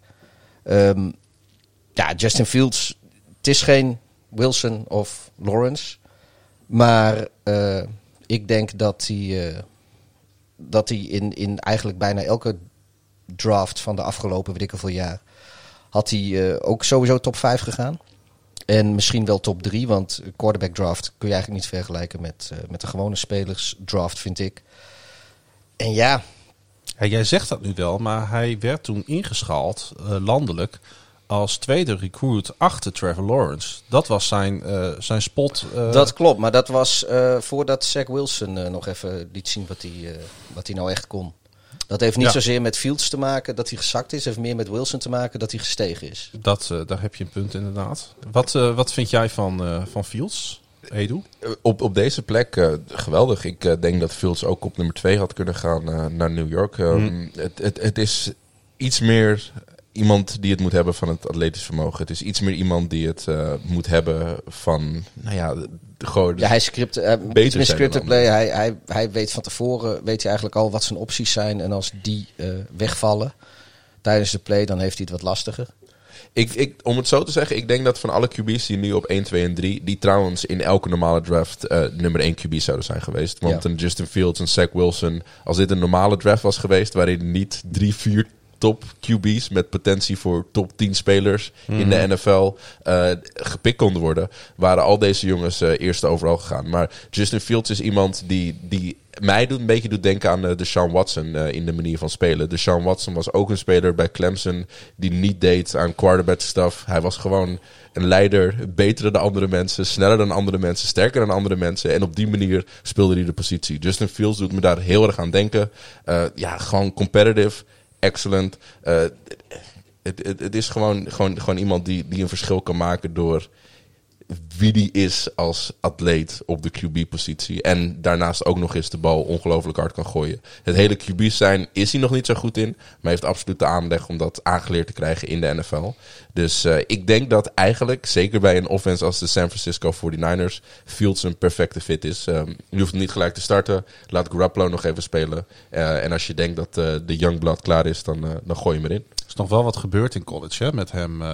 Want hij, eh, hij heeft als junior koos hij voor Penn State. Uiteindelijk heeft hij toen de keuze gemaakt, toen het nog kon, om naar Georgia te gaan. Ehm, ehm, Florida State, LSU zaten toen achter hem aan. Na één seizoen in Athens is dat volgens mij. Eh, kreeg hij van de NCAA kreeg hij, eh, vrijheid om toch te verkassen. Want hij zou het doel, doelwit van racisme zijn geweest door een baseballspeler van Georgia. En dat gaf hem de mogelijkheid om, eh, ja, om daar weg te mogen. En daardoor is hij uiteindelijk bij Ohio State eh, terechtgekomen, waar hij grote indruk heeft gemaakt. Dus hij heeft al wel wat meegemaakt eh, in zijn jonge sportcarrière. En ik denk dat Georgia nog steeds baalt van, van dat dat zo gebeurd is. Want als, Ja. je, als je kijkt naar de, de situatie toen, ze hadden drie QB's. Waarvan Justin Fields in beide ogen de beste was. De andere, Jake Fromm, was vorig jaar gedraft. Ik Ja. durf niet te zeggen waar hij nu speelt. En de QB van de Patriots, eh Eason, Jake Eason. Ja. Dat waren de drie QB's eh, van Georgia op dat moment. En eigenlijk heeft eh, de coach daar gezegd dat Justin Fields beter een andere positie kon spelen dan QB. Eh, en dat was voor hem denk ik ook een reden om te verkassen. Ik weet niet helemaal van hoe dat incident zat. eh, dat hij uiteindelijk ook weg mocht gaan. Maar voor Ohio State en voor Justin Fields was het denk ik de beste optie. Want eh, hij heeft daar zeker zichzelf even goed in de etalage kunnen zetten. From zit trouwens bij Buffalo. Ehm, de strijd de aan bank, gaan met, ja. eh, met Trubisky voor, eh, voor tweede quarterback. hey, maar ik denk dat eh, onze vriend Fields het sowieso nog voor zijn kiezen gaat krijgen dit jaar. Want jij zegt net van hij kan nog een jaartje starten achter Garoppolo. Maar ik denk dat Garoppolo nog weggetrade gaat worden door de Niners. Want die, die staat al zeg maar op de, op, de, op de advertentielijst. Zeg maar. dat, ze, ze, ze doen er niet geheimzinnig over dat ze er eventueel vanaf willen. En straks na de draft ga je hoe dan ook een paar teams krijgen die niet de, de quarterback hebben kunnen vinden waar ze op hopen. En die dan waarschijnlijk alsnog wanhopig worden en iets gaan doen. En daar kon eh, Garoppolo wel eens van, nou ja, om het zo maar te noemen, eh, profiteren. Eh, dat, er, dat, er gaat een team, denk ik, nog met, eh, met de Niners streden voor Garoppolo eh, na de draft. Als, als ik GM was van de Niners zou ik nee zeggen. als ze dat hadden vragen. Want eh, het lijkt mij wel een goed idee namelijk om een QB die... zeker de, de Shanahan, het, de offense van eh, Kyle Shanahan, de, de, de, coach van de, de 49ers, is natuurlijk... eh, neemt de league over in storm. Er zijn heel veel teams die van hem afkijken en hetzelfde systeem willen lopen. Eh, en waarom dat Mac Jones in mijn ogen ook genoemd wordt op deze plek, is omdat hij van niet zulke hele goede QB's hele goede QB's kan maken. Maar dat betekent niet dat hij van de QB, die ook de atletische potentie heeft om een supergoeie QB te worden, niet een elite QB kan maken. Ehm, daarom denk ik dat Justin Fields over Mac Jones gaat. Maar de andere kant van de medaille is wel dat je hem rustig aan moet brengen. Want je wil niet allemaal bad habits eh, in iemand krijgen. Eh, Neem een Sam Darnold, die eh, dat nooit heeft kunnen doen. Ehm, nu heeft, zit er wel wat meer talent op de 49ers roster. Maar ik denk dat de 49ers er heel wijs aan doen om Justin Fields in ieder geval tot het midden van het seizoen even rustig te brengen. En niet in week 1 al op het startingsformulier te schrijven. Nou ja, goed, in oktober kun je nog treden trouwens. Precies, voor de deadline nog even van Garoppolo af. Gaan we naar de volgende pick en die is voor de Atlanta Falcons. En uh, wij hebben het in onze vorige aflevering hebben we het uh, veel over de Falcons gehad. Uh, waar staat dat team? Waar moeten ze naartoe? Maar ook waar moet, wat moeten ze met deze vierde draft pick? Want ze zitten een beetje in een luxe positie. Ze hebben zoveel needs dat ze niet per se die signature player nu binnen hoeven te halen. Dus als ze gaan voor die vierde plek, dan denk ik dat ze voor de best player available moeten gaan. En dan gaan ze gewoon Kyle Pitts landen. Gaan ze traden, ja, dan kunnen ze uh, alles doen wat ze willen en alles wat ze goed dunkt. Maar vooralsnog, en we gaan even niet van trades uit, denk ik dat zij uh, dan voor de best player available gaan. En dat is uh, Kyle Pitts. Kun jij uitleggen waarom hij zo goed is, Edu? Een tight end als nummer 4. Ja. Dat, dat gebeurt niet vaak, nee. En ben je het ermee eens dat, met mij dat zij dan inderdaad voor hem uh, zouden moeten gaan? 100%, 100%. Kyle Pitts is mijn favoriete speler in deze draftclass. Um, simpelweg omdat hij opgeschreven staat als talent, maar hij is natuurlijk niet echt een talent. Het is gewoon een uh, aanvallend wapen dat je uh, op de talentpositie kan neerzetten, maar ook aan de buitenkant als wide receiver. Als je naar zijn college tape kijkt, burnt hij eigenlijk gewoon op vrij consistente basis cornerbacks. Ehm, dat, dat klinkt misschien niet zo heel erg. eh, dat klinkt, wat, wat ik hiermee bedoel is dat ends over het algemeen, eh, als je als end zijnde een safety eh, kan verslaan op de route of een linebacker kan verslaan op de route, word je gezien als een wapen.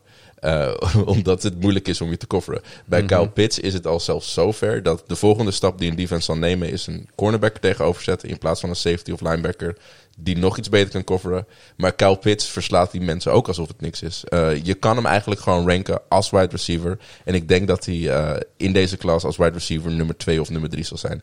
Wat dit betekent voor Atlanta is dat ze altijd de defense een extra cornerback op het veld moeten laten hebben. Omdat je gewoon iemand nodig hebt die bij Kyle, Pitts gaat staan. Ja. En dat, dat is denk ik voor elke defensive coordinator een nachtmerrie. Omdat je gewoon iets moet doen wat, wat je eigenlijk zeker in de running game heel erg, heel erg zwak maakt. Omdat je al je grote jongens van het veld moet halen. Omdat je de spelers moet gaan coveren. Ik denk dat Kyle Pitts, zeker in die offense met eh, Calvin Ridley, met Julio Jones, Hayden Hurst zit er nog. Eh, ik denk dat dat gewoon een, een super gevaarlijke combinatie kan worden. En dat Atlanta, zeker op offense, eh, heel gevaarlijk kan zijn in Ja, 2021. want ik denk dat ze een hele leuke two tight end set kunnen draaien. Want Hurst is een goede blokker. Deze jongen is ook een hele aardige blokker. Hij moet misschien nog iets meer massa creëren om echt die topblokker te worden. Maar ja, dat kan inderdaad. eh, Ik, ik weet niet of ik Pitts echt altijd als... Ik, hij, hij kan, hij, hij wil laat ik zo zeggen, hij kan er natuurlijk gewoon voor zorgen dat ook de andere as- assets van, eh, van de Falcons eh, meer tot hun recht komen. Zeker. Ik denk dat dat misschien ook nog wel een soort van side note is die, die, die zeker benoemd moet worden. En misschien om een vergelijkbare speler in, in de NFL te noemen. Dan Arnold was iemand van de Cardinals die echt specifiek in de tight end rol niet Ja. blokkend, ballenvangend speelde. Eh, misschien een wat bekendere naam Mike Gesicki. ehm, van Dolphins. Van de ja, Dolphins. mijn, mijn, ik ben ik ongelooflijk fan van. Ja, ja, Ja. en ik denk dat je met Cal Pitts nog een atletischere versie van die jongen krijgt. Ja. Eh, en Evan Ingram is denk ik eh, van fit het meeste wat op, eh, op Pitts lijkt. Alleen nogmaals, Pitts is gewoon echt dat volgende level. En dat volgende level van wapen dat in de NFL komt. Ik verwacht er heel veel van. Ben je fantasy voetbalspeler, houd deze vooral op je lijst. Want dit, dit kan wel eens heel veel punten gaan opleveren. Goed, mag jij gaan vertellen wat Cincinnati gaat doen, Edu? Als eh, Cincinnati zijn eh, zit ik hier een klein beetje in een dubio. Ehm, mijn starting QB heeft eh, afgelo- afgelopen jaar in week 12, week 13 eh, alles in zijn knie gescheurd wat hij kon scheuren. vanwege het slappe werk van mijn offensive line. Dus aan de ene kant zit ik heel erg van we moeten Joe Burrow beschermen. Ehm, maar aan de andere kant denk ik ook dat je eigenlijk best wel oké zit. Vooral op tackle. Eh, twee jongens die eh, geblesseerd waren vorig seizoen en daardoor niet konden spelen. Ja. eh, komen waarschijnlijk weer terug dit jaar. Een guard of inside help kan je altijd later nog in de draft krijgen. Ehm, ik vind Penezel een goede speler, maar ik denk gewoon niet dat ze een tackle nodig hebben op dit moment. Dus, ik van- Chase aankomen. ja, ja, ja dat, eh, dat, dat was wat ik. eh, daar ging ik heen. Eh, Ja, oud teamgenoot van Joe Burrow. ehm, had de Heisman misschien wel moeten winnen over Joe Burrow in het seizoen dat ze samen speelden. Speelde vorig jaar niet voor LSU. Maar desalniettemin, in mijn ogen, met afstand. hm, met afstand. Jawel, de beste receiver in deze klas. Jamar Chase van LSU gaat met pick nummer 5 richting de Cincinnati Bengals. Gaan we die eh, opschrijven. En dan eh, komen we volgens mij bij de Dolphins uit. En die zijn voor, eh, voor Pieter.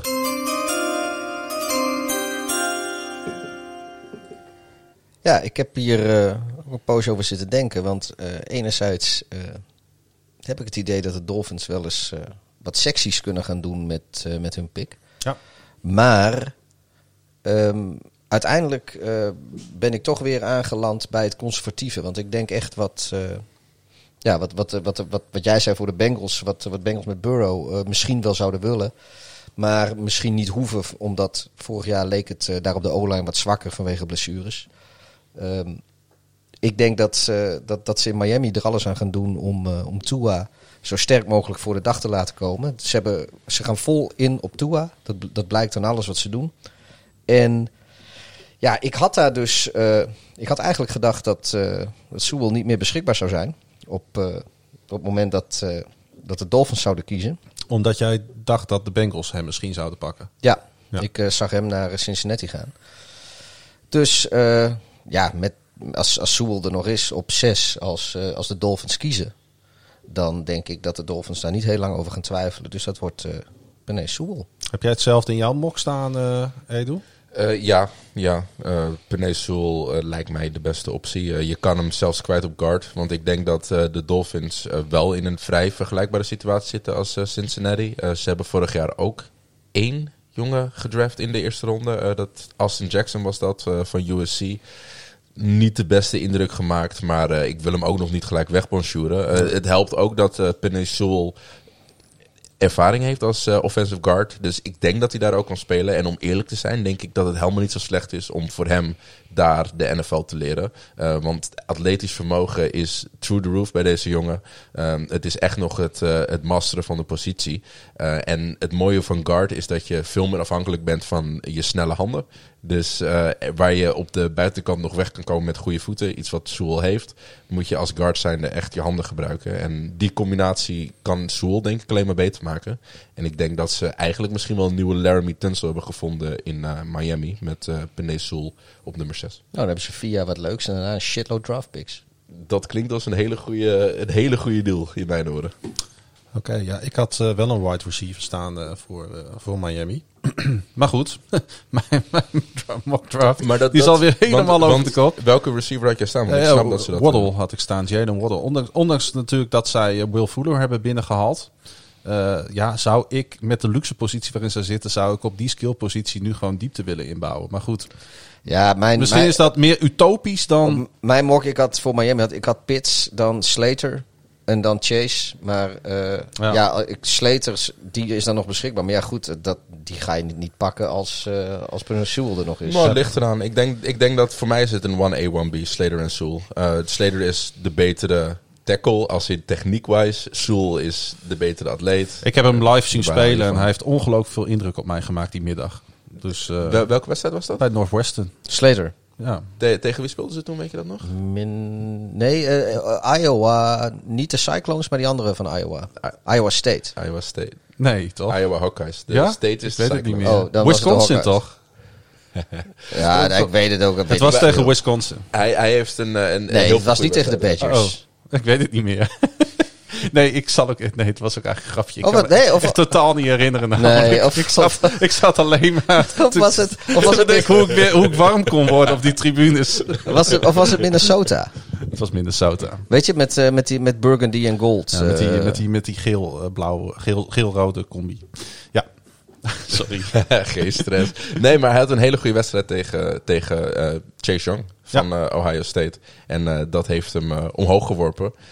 Sewell, ik moet eerlijk zeggen dat alle namen die ik tot nu toe voorbij heb komen, komen horen, komen horen prima, prima zijn op nummer 6. Jalen Waddle doet me denken aan Tyreek Hill. Dus als je denkt ja. van hij, hij, we hebben hem nodig, en Tyreek Hill. Ik heb hem hier staan uh, op nummer 7. Ik weet niet wie gaat draften. Ja, ik, uh, mag, uh, ik mag het over Het was Minnesota trouwens. De... Met die rare ballen, jongen. Weet je wel, die wel in zijn korte broek en zijn korte armen liep. En ja. jij zat daar je, je ballen eraf te vriezen. we gaan naar Detroit, want daar is het ook lekker koud. Um, die,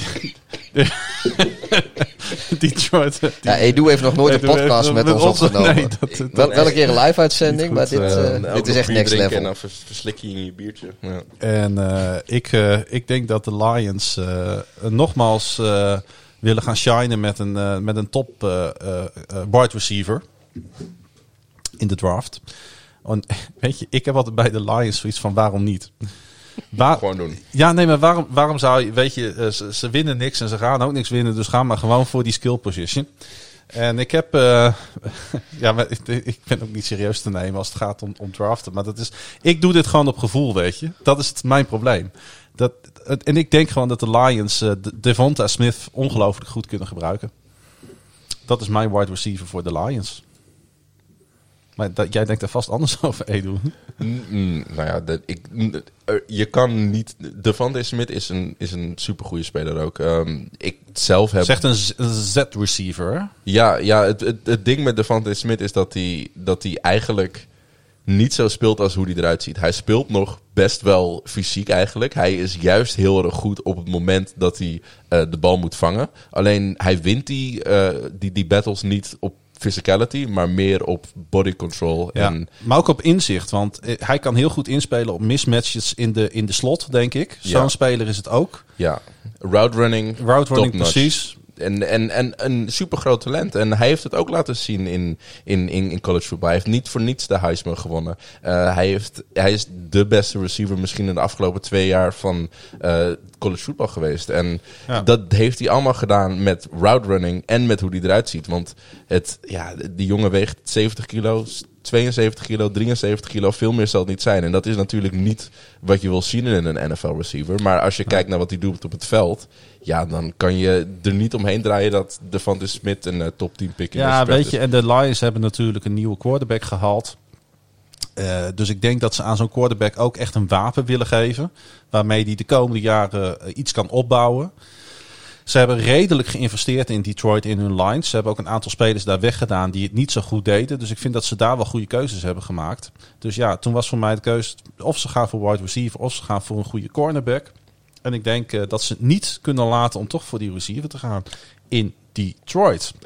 Vorig jaar hadden ze ook eh, Okuda gekozen natuurlijk. eh, cornerback, hoog in de, in de draft. Dus met, eh, met, met, met die wijsheid eh, is het heel logisch dat ze nu voor Ja. receiver gaan. Alleen eh, op het bord staat Jalen Waddle, moet je zeggen, volgens mij. Ja, Jalen Waddle. Ja. Staat, staat er nu nog op. Alleen ik ga toch voor, voor Smith. We gaan naar, naar Carolina. Edu. Oh, dat ben ik. Ja. Trey Lance, kom maar binnen. Snel. Eh, ik, weet dat we, ik weet dat we Sam Darnold hebben geregeld van de New York Jets. Alsjeblieft jongens, in eh, Carolina. Ehm, maar Sam Darnold, ik, als Jets-fan kan ik jullie al vertellen dat dat waarschijnlijk niet de toekomst gaat zijn. Ik denk dat hij het beter kan gaan doen dan in, eh, in New York. Maar ik denk dat het toch wel fijn is om een hele goede QB met heel veel pot- potentieel eh, achter de hand te hebben in Trey Lance. eh, om die langzaam maar zeker te ontwikkelen. Eh, jongen heeft maar één seizoen gespeeld in college voetbal. Ook vanwege COVID natuurlijk. Is daarom nog niet de meest ervaren jongen. Maar in elk interview blijkt dat hij de brains heeft om QB te spelen. En als je de tape aanzet, het is gewoon alsof je een jonge Cam Newton ziet. Een kanon van een arm, super atletisch. Eh, alleen nog niet de ervaring in college voetbal om nou te zeggen van eh, go start in de NFL eh, in de eerste week. Maar dat laat je lekker aan Sam over. En wanneer dat niet lekker gaat, is het tijd voor Trey Lance. Ik denk dat ze de toekomst binnenhalen hier op nummer 8. goede situatie voor de, voor de Panthers als hij valt. Ja, ik denk ook dat, dat Darnold is ook echt gehaald, denk ik, als placeholder QB.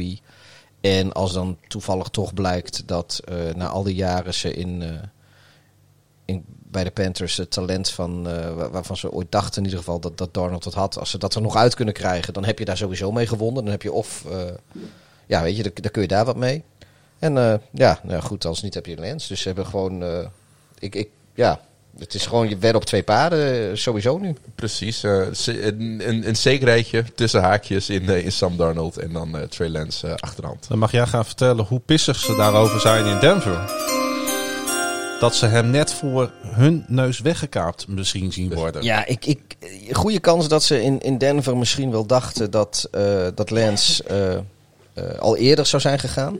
Eh, aan de andere kant, ik denk dat ze ook wel misschien wel blij zijn in Denver. Want als eh, eh, Carolina de vierde quarterback pakt, dan houdt het in dat voor Denver de vijfde er nog staat. En dat is Mac Jones. Eh, en de negende overall pick is heel vroeg voor hem in principe. Maar ja, ik, ik heb het al vaker geroepen. De quarterback draft en de rest van de draft, dat zijn eigenlijk gewoon twee verschillende dingen. En eh, Denver, die eh, tegen de tijd dat Denver kan pikken in de tweede ronde, weet je zeker dat, eh, dat Mac Jones er niet meer is. En verder, we hebben het afgelopen seizoen ook al regelmatig gezegd. Ze zijn best goed bezig in Denver. Ze hebben daar best een goed team.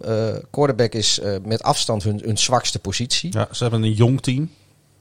En eh, Mac Jones, ook al zou het, eh, zou het misschien op papier niet een, een top 10 prospect zijn. eh, ik denk wel dat, dat Mac Jones met de nodige coaching gewoon echt heel veel beter is als, als, als lock die ze nu hebben. En ik, kan, ik kan me niet voorstellen dat als Jones er nog is op plek 9, dat Denver die niet kiest. Dus Denver pakt Mac Jones. Mijn, mijn, mijn podcast eh, partner is Denver Broncos fan. En absoluut geen Mac Jones fan.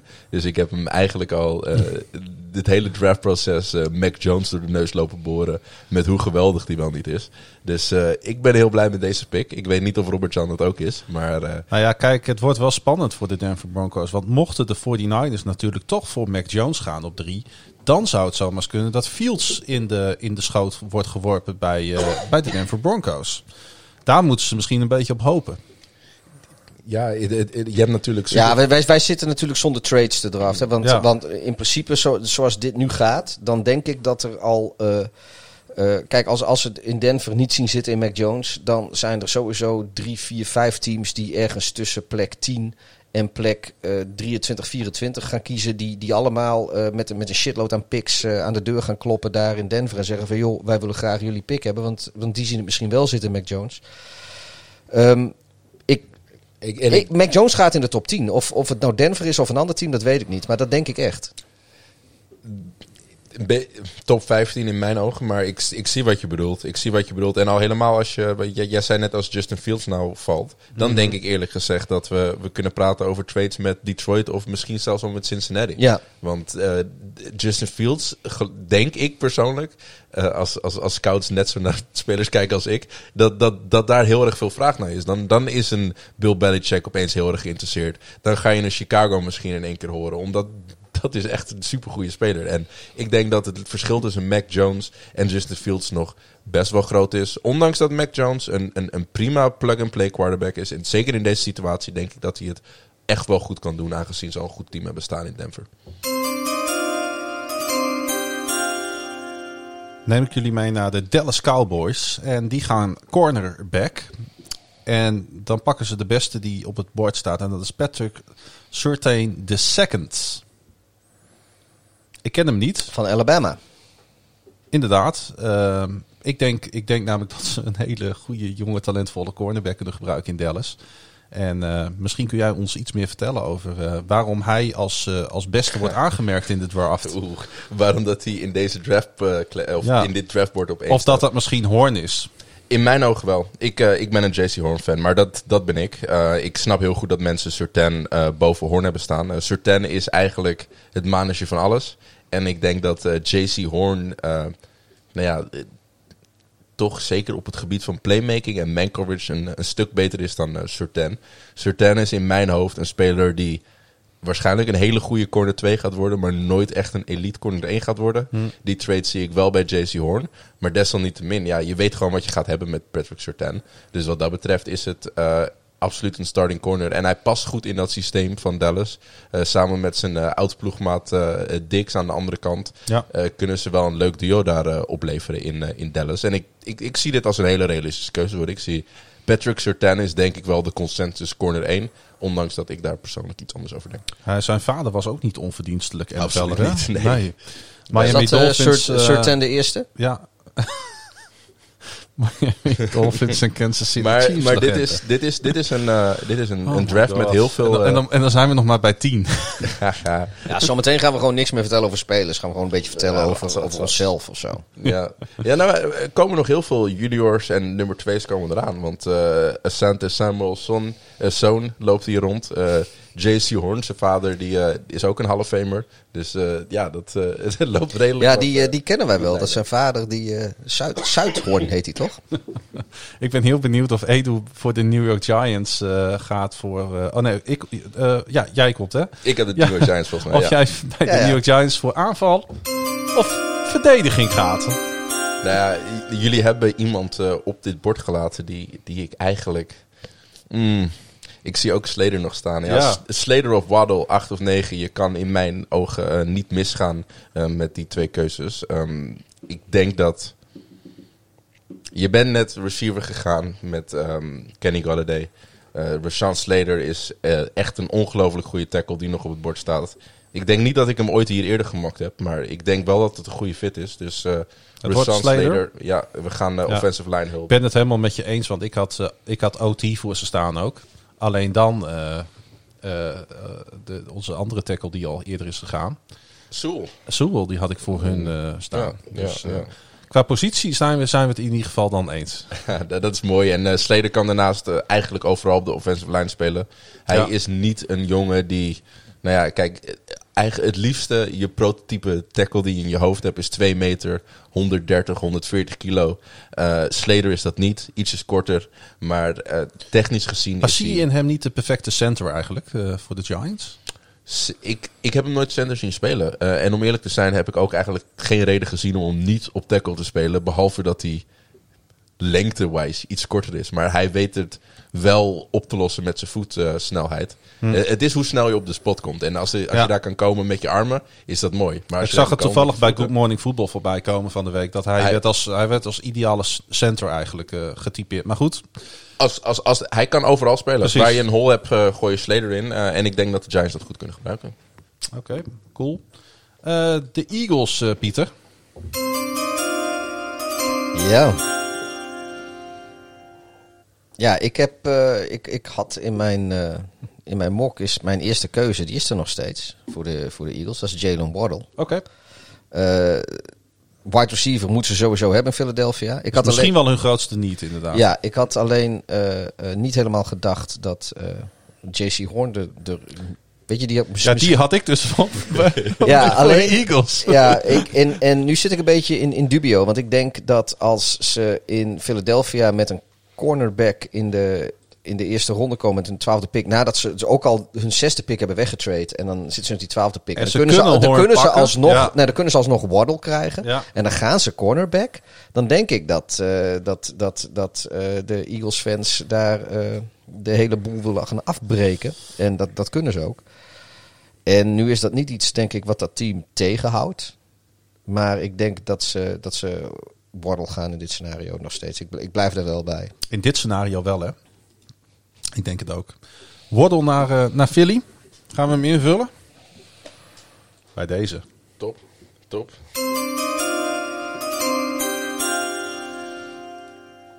De LA Chargers. En volgens mij zijn we dan weer bij mij. Ik moet dus een beetje, een beetje heen en weer switchen tussen allerlei documentjes steeds.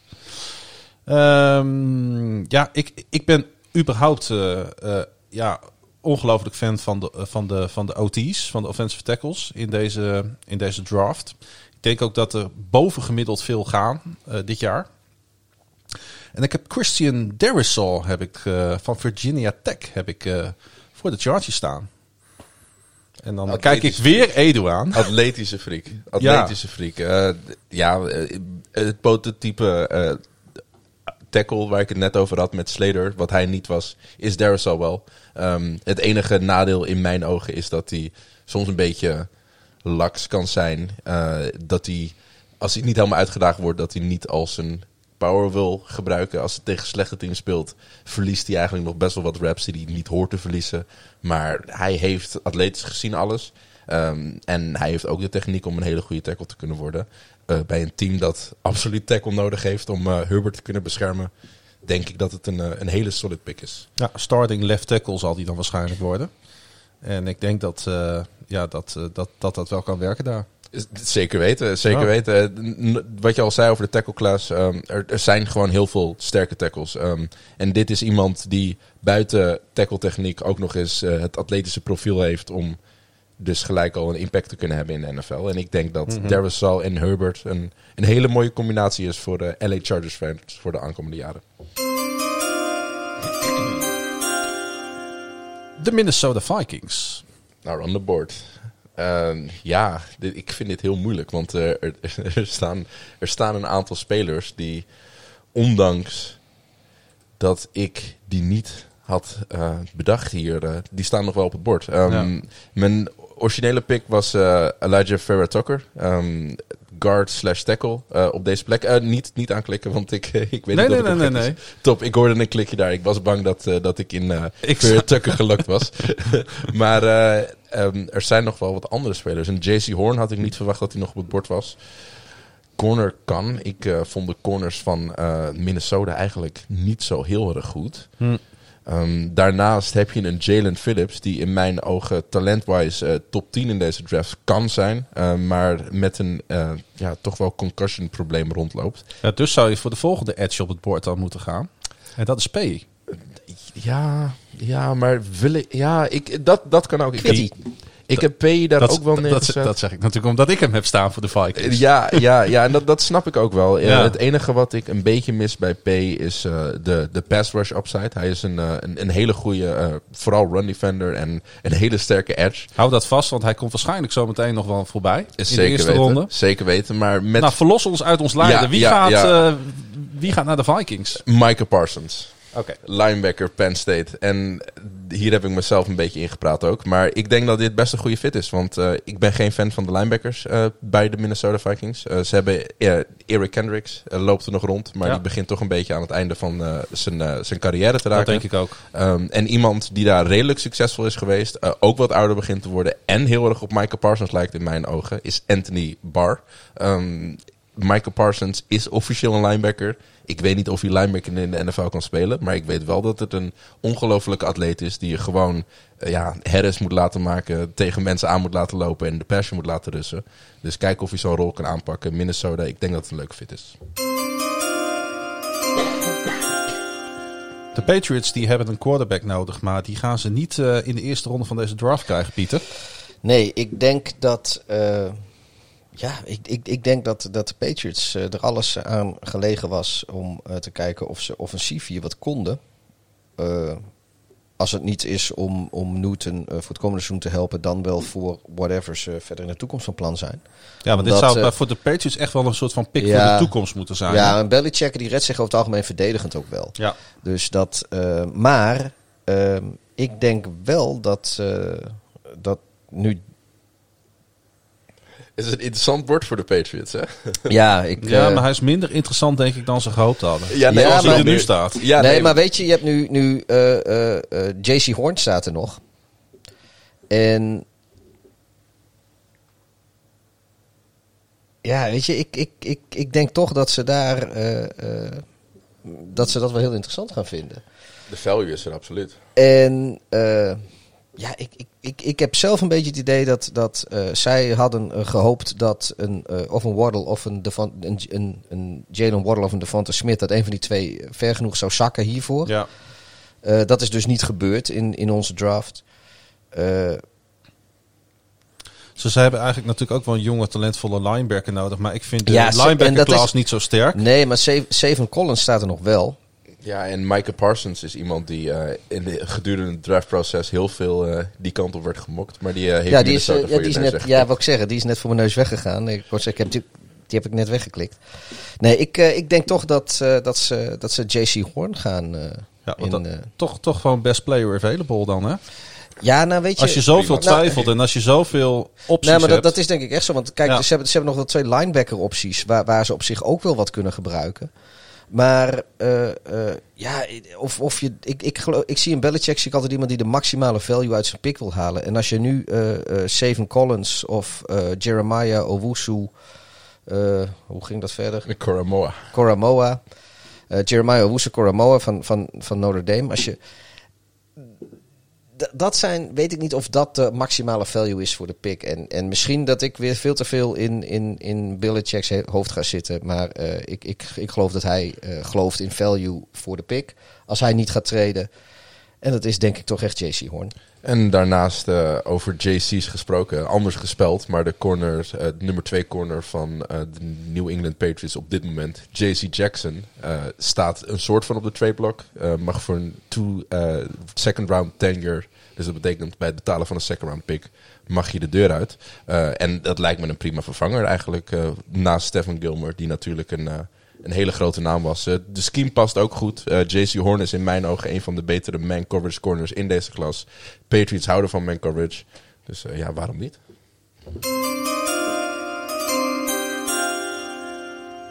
Ga ik misschien toch wel wat verrassends doen. Want ik heb voor de Arizona Cardinals... eh, een nee, ik, Ja, ik heb met jou wel eens ik fantasy weet wel een beetje waar dit vandaan komt. Ik wou het net dat- zeggen. ik bedoel, hij is echt niet te beroeren met de derde ronde Justin Tucker te draften hoor. Als je Ja, fantasy je voetbal doet. persoon.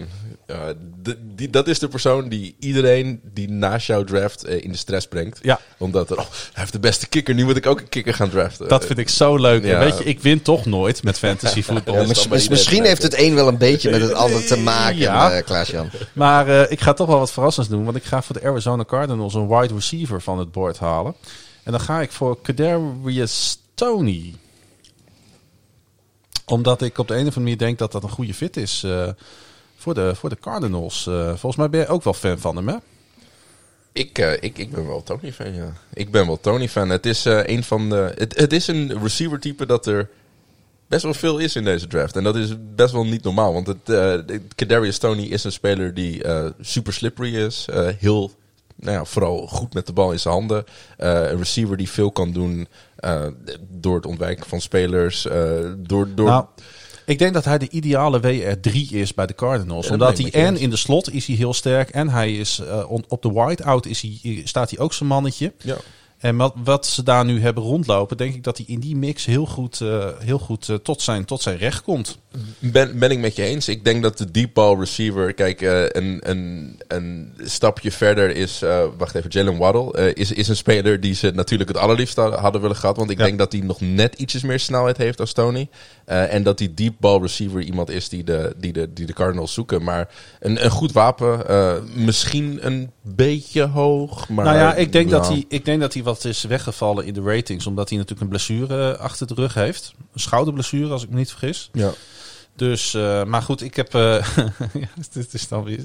Het is zo amateuristisch. Maar ik heb gewoon even wat YouTube-beelden van die man zitten kijken afgelopen weken. En eh, ik zag hem wel in zo'n rood Cardinals jersey rondlopen. Je wil niet weten hoeveel beatwriters er met YouTube scouten. Het hem zegt, dat is niks om je voor te schamen. En eh Kadarius Tony is absoluut geen misselijke speler. Liet ook in de Super, eh, Super Bowl, in de Senior Bowl, laten we niet op de stapel vooruit lopen, waar de beste college studenten tegen elkaar speelt, veel goede dingen in, gezien. En eh, ik, ik, denk wel dat hij, eh, dat hij kan aarden daar. Ja, dat is, de Senior Bowl is zeg maar de all-star game van college, toch? Precies, precies. En dan voor alle seniors, dus de vierdejaarsspelers Ja. uit college.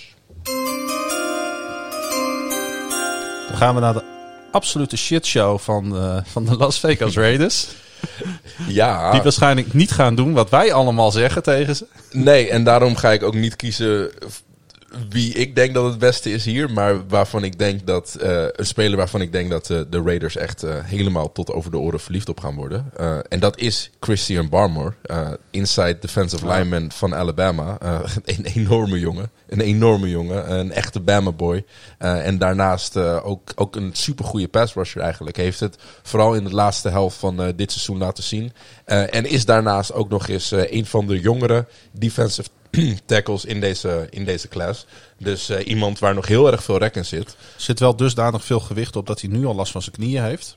Ja, dat hoort er een beetje bij als eh, defensive tackle natuurlijk. Maar ik denk niet dat dat een, eh, een dusdanig probleem gaat zijn eh, voor Barmore of voor de teams om hem niet te draften. Eh, offensive tackle zal ik persoonlijk doen, omdat ze een heel groot gat hebben op de offensive line. Maar offensive tackle, zeker right tackle die ze zoeken, kan je ook nog later Ja, in de draft Ik vinden. kan zeggen, ik heb Jenkins daar gewoon neergezet.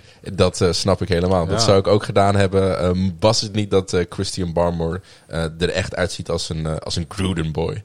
Dus naar de Raiders. Gaan we voor de tweede keer eh, in deze draft naar Miami. Want dat ben ik. Dat ben jij. Dat ben ik. Ehm, ik heb hier eh, eens even over zitten converseren met, eh, met mensen die, eh, die van de Miami Dolphins houden. En ik heb zelf ook eens wat na zitten denken. En eh, Eindelijk. ja, dit, dit is de eerste keer. Ja. Ehm, dit, is, eh, dit is de plek waar de eerste running back gaat vallen. Ja, jij denkt dat echt, hè? Dat denk ik echt, ja. Nou, ik, ik zal daar oprecht ehm, Als je geld moet zetten op wanneer de eerste running back gaat vallen in deze draft. Val ik van mijn misschien stoel. 16 zelfs. Misschien 16 zelfs. Ik ga, helemaal, ik ga helemaal met je mee. Want ik denk namelijk ook dat, dat, dat teams... Er zijn twee goede running backs. Ik denk dat je er eentje van gaat kiezen. Ja, we hebben het over Harris en Etienne. Ja, en dit wordt eh Najee Harris. Dat, eh, dat is denk ik de, de speler waar Miami eh, verliefd op is. Ik denk dat Pittsburgh daar ook pick. verliefd op is. eh, dus voor, voor Harris, ik denk dat Harris sowieso in de eerste ronde gaat. Eh, Tampa Bay, Pittsburgh, Miami. En ik zie Etienne stiekem nog wel bij, bij de Arizona Cardinals landen. In een beetje hetzelfde idee als hoe jij Tony ook hebt gekozen. Maar eh, ik ga niet tegen jullie zeggen dat jullie daar geld op moeten inzetten hoor. Maar als ik dat zo een beetje bekijk. Nee, ik zeg niet. Ik, maar als je, wat ik zeg, de, de eerste running back die gaat, ik denk dat hij bij Miami gaat. Dat dat helemaal geen, geen onveilige bet is. Dan eh, zetten we daar eh Najee Harris van, eh, van Alabama, een beest.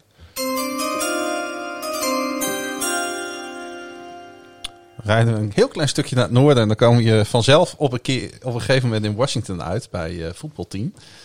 En weet je, die hebben zo'n heerlijke verdediging staan. Dat ik denk dat ze nu gaan investeren in hun, in een aanvallende linie.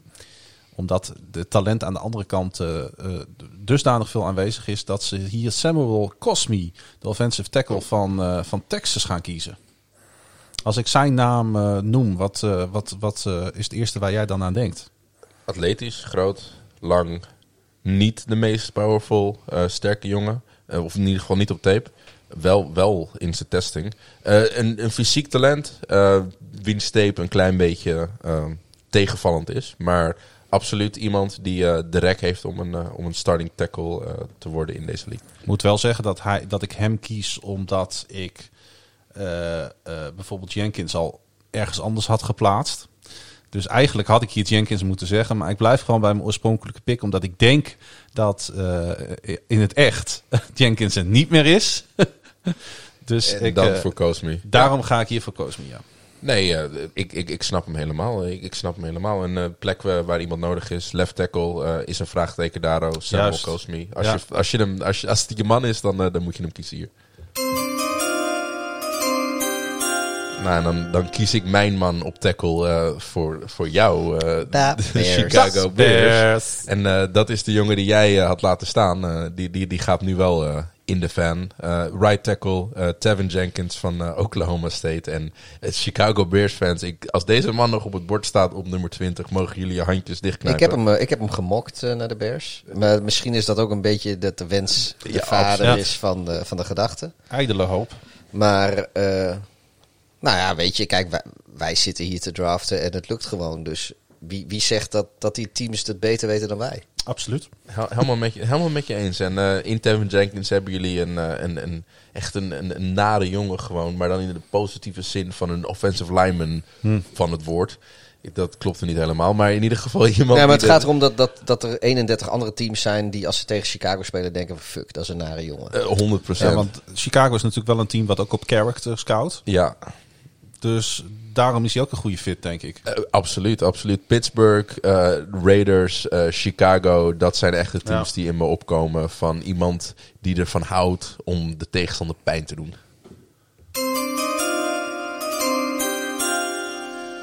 Dus even kijken, we zijn eh, aangekomen. 21ste pick Indianapolis Colts en dat ben ik. Ja, want ik zie hier het overzichtje Pittsburgh staan, maar dat klopt natuurlijk niet. Nee, dat, eh, dat klopt niet. De Colts eh, mogen namelijk op eh, 21 kiezen. Ja, en eh, ik denk dat, eh, dat de Colts eh, inderdaad, als het even kan, eh, ook voor de O-line gaan. Maar eh, ja, ik denk dat met, als, als het inderdaad, als deze draft is de draft, dit is de waarheid. En dan eh, zien ze net op 19 en 20 zien ze, zien ze wat, eh, wat spelers voor hen wegvallen. Terwijl eerder ook al eh Darisaw natuurlijk weggevallen is en eh eh Rashawn Slater.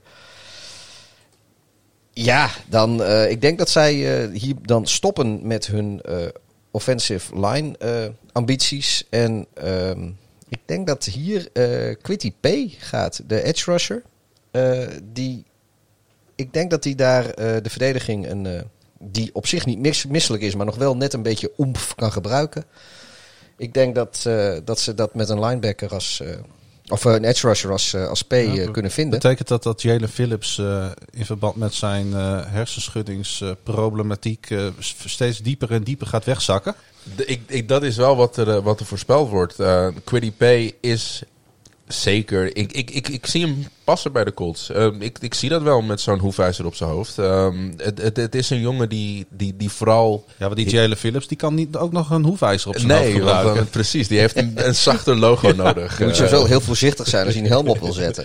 Nee, Jalen Phillips is in mijn ogen, ehm, als, als hij niet de concern had gehad voor zijn, eh, zijn hersenschuddingen, was hij een top 10 pick geweest. Hij is een, iemand die je, een echte alpha pass rusher. Iemand die je doet denken aan Miles Garrett, iemand die je doet denken aan Joey of Nick Bosa. Zo'n soort soort speler is hij. Alleen heeft hij dus de concussions die hem tegenzitten. Quiddy P in mijn ogen is iets minder goed om bij de passer te komen. Maar dat betekent niet dat hij geen goede edge is. En eigenlijk ongelooflijk sterk is in de run game. Eh, en ik denk heel erg goed binnen dat systeem van eh, Indianapolis past. Waar je gewoon zoveel verschillende jongens hebt die, eh, die op die lijn spelen. en hij past daar perfect in. Gaan we naar mijn grote vrienden van de Tennessee Titans. En ik had, Mooi team, mooi team. Tighten up. nou, ik had daar eh eh, Rashad Bateman staan, de wide receiver. Eh, omdat ik echt denk dat zij eh, daarin moeten gaan investeren. Met het oog op de toekomst. Maar op dit bord staat natuurlijk eh, Caleb Farley nog, de cornerback. En dat is toch ook een van hun grote needs. En als die nog op het bord staat, dan gaan ze absoluut voor hem. Ja, Niet voor, eh, niet voor eh, Craig Newsom the second. Dat is, Dat ja, die had is ook, gekund. ja, maar die, dat die, had eh, ook gekund. Ja. Het is een beetje waar je, hoe je het ziet. eh, eh, kijk, nou, misschien is dat wel iets waar Edu ons bij kan helpen. Want eh, de, de, de, de consensus is niet. eh, of of de, de, de meningen verschillen nogal. Er is geen consensus of, of Farley of Newsom nou eh, de beste cornerback zou zijn. Nou, corner, ik denk dat de consensus over wie de beste cornerback eh, is wel duidelijk is. Dat is Caleb Farley. Want die was eerst in eh, de conversatie met eh, Patrick Surtain als beste cornerback in deze klas. En werd de hoogste dat ik hem heb zien gaan is waarschijnlijk bij Detroit op nummer 7. Eh Talentwise is hij absoluut zo goed. Alleen het probleem van Farley is eh, de rugblessure die hij heeft. Eh, hetzelfde blessure als dat Tony Romo had. Ja, back spasms heet Ja. dat volgens mij in het Engels. Ja, ja, en hij heeft 20% kans om, eh, om dit vast terug te laten. eh, waar, waarin dit vast dus terugkomt. Ja. Eh, en ja, wil je daar een eerste ronde pick op hebben? of wil je dan toch liever gaan voor iemand die misschien iets minder upside heeft. Maar toch een hele goede speler is in Greg Newsom. Ja, zijn eh, ACL is in 2017 ook nog afgescheurd. Ja, een Dus ongelukkige hij, speler. Ja, ja, ongelukkige speler. ja misschien, misschien te veel, hoe moet ik dat nou zeggen, te veel downside om hem, ja, ja, om het nou een gok te noemen. Dat gaat misschien ook weer wat te ver.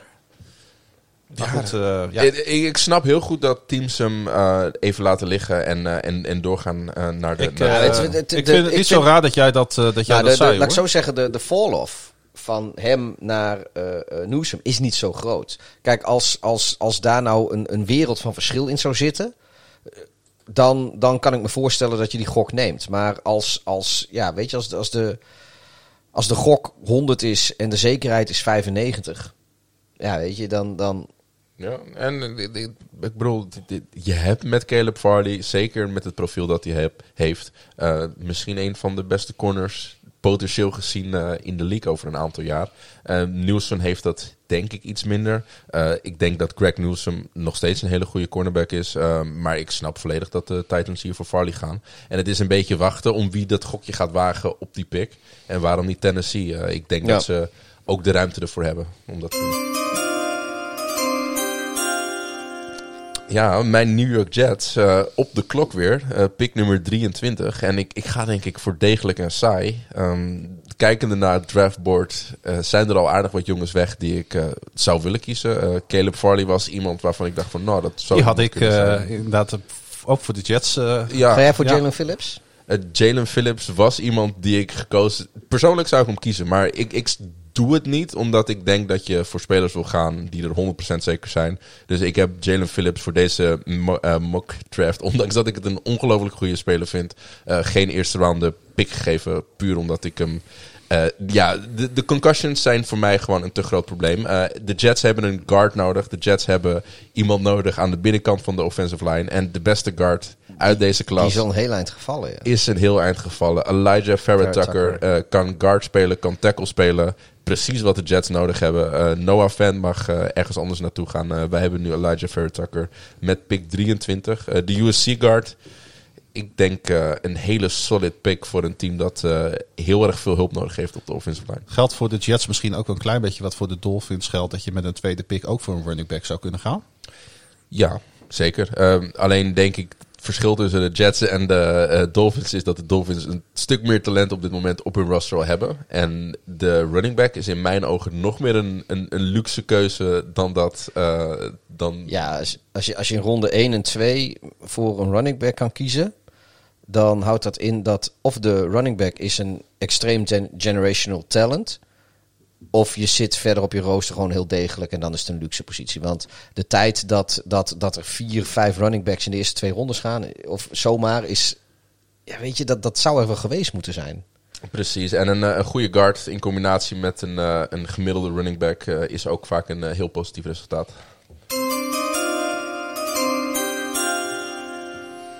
Nou, we zijn al een heel eind onderweg. We komen een beetje bij de onderste helft van het schedule. De teams die eh, echt eh, ook goed gepresteerd hebben vorig jaar.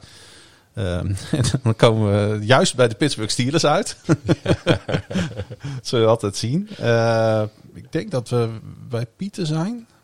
In het Ben ik, ja, oh, Ja. Oh, ik ben, oh, ja, oh jee, maar ik, ik zit net te kijken van, oh ja, ik ben nu helemaal dubio. Want ik had eigenlijk Landon Dickerson, eh, had ik daar staan. En die staat volgens mij, is die ook nog niet gedraft door jullie. Dus die is er nog. Nou, Die heb ik ook helemaal niet in de eerste ronde voor staan, eerlijk gezegd. Ja, maar, dat- maakt- maar dat maakt niet eh, uit. nee, het gaat erom wat, eh, wat ze in Pittsburgh vinden. Nee, niet Ja, wat jij eh, vindt. wat jij vindt ook. Eh, Maar, Maar hij, hij, hij het- staat wel op het randje eerste, tweede ronde, inderdaad. Je, je had expres Landon Dickerson eh, van het bord van eh, de Pittsburgh Steelers eh, afgehaald. Om ze te saboteren. ja. Nee, maar ik denk, ik, denk serieus, eh, ik denk serieus dat het een goede pick zou zijn. Alleen, ik zit inderdaad ook wel een beetje... Travis Etienne is er ook nog. En dat is die andere running back. En ik, Pittsburgh is wel dat andere team die ik denk dat voor een running back gaat. Maar, eh, ik heb net gezegd... eh, running back is een luxe positie. En dat eh, kun je doen als er verder niks anders is. Eh, ze hebben het in hun hoofd gehaald in Pittsburgh... om het nog een jaar met Big Ben Roethlisberger te proberen. Op zich hoeft dat niet verkeerd uit te pakken, maar de beste man moet wel een beetje tijd hebben en een beetje op zijn een beetje, een beetje verticaal blijven. En ik denk dat Lennon Dickerson daar, ondanks dat ze totaal geen running game hadden, dat Lennon Dickerson een, een grotere need vult op dit moment in Pittsburgh dan een eh, Travis Etienne. Of eh, eh, verder zou je, zou je verdedigend kunnen kijken. Maar eh, ik denk dat, eh, dat Travis Etienne degene is die, eh, die Pittsburgh zou kiezen in deze situatie. Oh, Oh, ik heb Landon Dickerson net ja, ik, genoteerd. ik heb hem ook net ingedrukt. Maar, eh, dus, Oh, sorry. Nee, nee, jullie hebben gelijk. Sorry, nee, nee, sorry. Ik, ik doe het verkeerd. Lennon Dixon, de offensive oké. line. Nee, jullie hebben goed gelijk. Nee, ik, ik, ik ging helemaal inderdaad... eh, het, het wordt laat. een, curve op het laatste ja, moment. ja, nee, die, die curve, ik, ik maakte mezelf kunnen. Nee, Lennon Dickerson, dat is, eh, dat is eh, wat ze doen. Lijkt me een topic. Eh je hebt eh, Pouncy. Eh, welke Pouncy brother is het ook alweer? Die, die gestopt is na afgelopen seizoen. Ja. Maurice of Marquise, een van de twee. Marquise. Ehm, en Lander Dickerson is denk ik een speler die dat stokje gelijk van hem kan overnemen, mits hij fit blijft. Was bij Alabama iemand die eh, mensen bewoog voor, eh, voor het plezier. Eh, en, en gewoon super groot is voor een center. Twee meter. Je ziet niet veel centers van twee meter. En, en daarnaast ook het atletisch vermogen heeft. En de, de, de nastiness om, om, om, om, om echt een goede run offensive lineman te zijn. En ik denk wat Pittsburgh nodig heeft. Iemand die de toon kan zetten. En iemand die echt in die Pittsburgh mold valt. Ja, en eh, nou, wat we net zeiden, weet je, als zij de O-line op orde hebben, dan eh, wordt die running game ook vanzelf beter. Dan hoef je echt niet, eh, niet vroeg in de draft al picks te verspillen aan running backs. Nee, en er zijn nog genoeg. eh, er zijn echt nog prima running backs in eh, de ronde 3, 4 en 5 eh, te halen. Precies. Eh, dus eh, dat komt goed. Ja, sorry van de curveball, was mijn fout. Het is je vergeven. Eh betekent dat we uitkomen bij eh, Jacksonville. En ik mocht eh, ja, tot ieders verrassing de vorige keer ook al mijn keuze bekendmaken voor de Jacksonville Jaguars. Die zag niemand aankomen. Ik denk dat deze een stuk, stuk makkelijker is. Elijah Moore heb ik voor de Jacksonville Jaguars staan. Ehm, ja, weet je, zij hebben een beetje, beetje met geld gegooid. Niet eens extreem. Maar ze hebben natuurlijk eh, eh, eh, flink geïnvesteerd in hun, in hun lines al. Met diverse mooie namen tijdens free agency. En ik denk dat het nu tijd is om hun ja, volgende ster op wide receiver te kiezen. Daar zijn ze niet heel slecht in in Jacksonville. Het pakt alleen allemaal niet zo lekker uit in die schemes van ze. Maar ik heb een wide receiver voor hun staan. En ik, heb, ik kon kiezen tussen Bateman en Moore.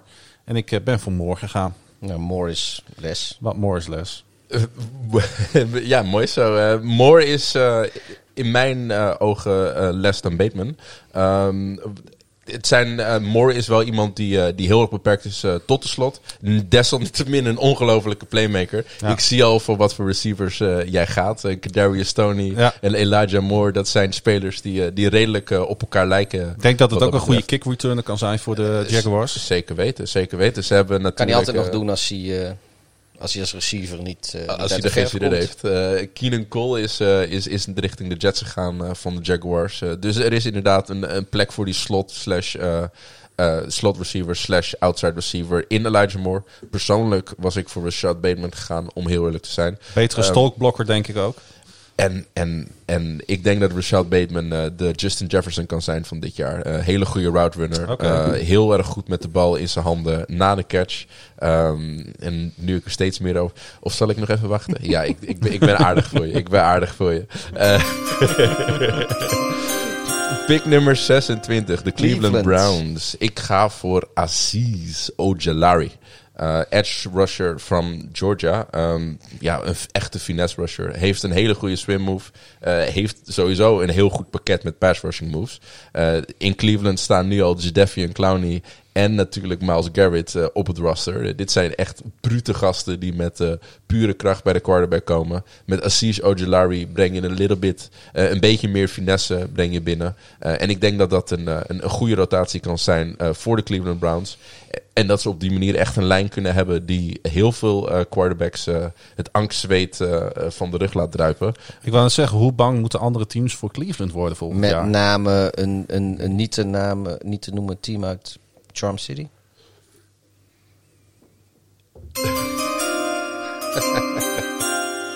Want daar komen we de dan ook, toevallig komen we daar ook eh, terecht in de Charm City inderdaad. Had helemaal niemand verwacht. Wie De gaat er, eh, van wie ga- Edgar wie- Allan Poe. We- wie gaat er crabcakes eten in de Inner Harbor van Baltimore volgend seizoen? Nou, dat, eh, dat, dat, dat kan nog leuker worden. Waarbij bij vooral natuurlijk de vraag is, wat hebben de Ravens vooral nodig? Ja, ik... eh, ik, ik In de denk wetenschap ze- dat ze nog een pick hebben. Ja, nee, ik... ik, ik Hij, hij staat hier in mijn draft nog als, eh, als Kansas City. Nou, Maar eh, ja, dat- we doen wel alsof het Baltimore We doen alsof, precies. Dat is ook leuk voor jou een keertje. ja, ik, ik- dat, is, dat, is, dat is wel zo... eh, Ja. En, en, en jij wou hier gratis bier drinken? Ja, ik, ik, ik, ik, ik zit een beetje te, te twijfelen. Maar ik denk dat ik hier ga voor een, eh, voor een defensive tackle. Ja. Volgens mij is hij er nog hoor. Ik moet even, even dubbel checken voor de zekerheid. Ja, hij is er nog. En nu nog uitspreken. Le Le Levi Onwuzurike. Dat is best goed. Een Nigeriaans klapje. Waar staat hij op ingeschaald? Op, eh, op wel, wat is zijn rank? Dat, dat is niet... Denk je, denk je nou echt dat ze in Baltimore zitten Nee, te kijken ik op een probeer, andere ik probeer hem te vinden. Ja, de- ja, ik ook. Ik, heb ik Ik op kan hem niet vinden. 43. Oké. Ehm, dat, lijkt als, dat lijkt een reach, maar ik heb voordat de microfoons aangingen, heb ik een hele tirade gehouden over hoe teams nooit reachen. Mhm. Eh, wij, de fans of de media, die vinden misschien dat ze reachen. Teams die kijken gewoon van, dit ben ik nodig, deze spelers passen in mijn profiel. Eh, dit is een speler die ik nodig heb. Dit is een speler waar we beter van worden. En eh, ik zie op dit moment, even, even vanuit, weet je, in, in, in de echte wereld is die trade met KC al gebeurd natuurlijk. Ja. Eh, dat is in ons universumpje niet zo geweest. Eh, ja, weet je, als, als dat, dat, dat zo'n speler voor, voor Baltimore beschikbaar is op die plek, ja, dan moet je dat gewoon doen. En dat andere teams of andere mensen dat, dat, dat dan overdreven vinden, daar geloof ik niet in. Als ze daarin geloven in Baltimore, dan doen ze dat gewoon. En ik denk dat ze hier eh, zeker niet minder van worden. Nee. Ik, ik denk dat het een beetje een reach is. Maar eh, persoonlijk zou ik als Baltimore-fan niet heel erg blij zijn als, eh, als we met Omwusarike eh uit de eerste ronde komen. Ondanks dat ik het een goede speler vind. Ehm, ik, ik weet het niet. Hij, hij is iemand die denk ik beter rendeert in een 4-3 defense dan in een 3-4 defense. Ehm, Ja, maar absoluut. Des, des, eh, het, het, kan met de coaching die je in Baltimore hebt. En als je echt verliefd bent op de speler, dan, dan, dan kan ik het zien Ik gebeuren. ben nog niet zo fan van de interior line van de Baltimore Ravens voor komend jaar. Dus ergens eh, zouden we hem wel kunnen gebruiken. Inderdaad. Ehm, ik had eh, trouwens, volgens mij de eerste safety in deze draft had ik voor de Baltimore Ravens staan. En dat is Trevor Murrick.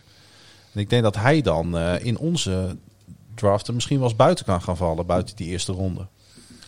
Ehm, Daar ga ik helemaal nog geen woord over zeggen, want ik ga de, de concurrerende wie- teams wie- niks wijzer maken. wie is nu de, met de Saints dan?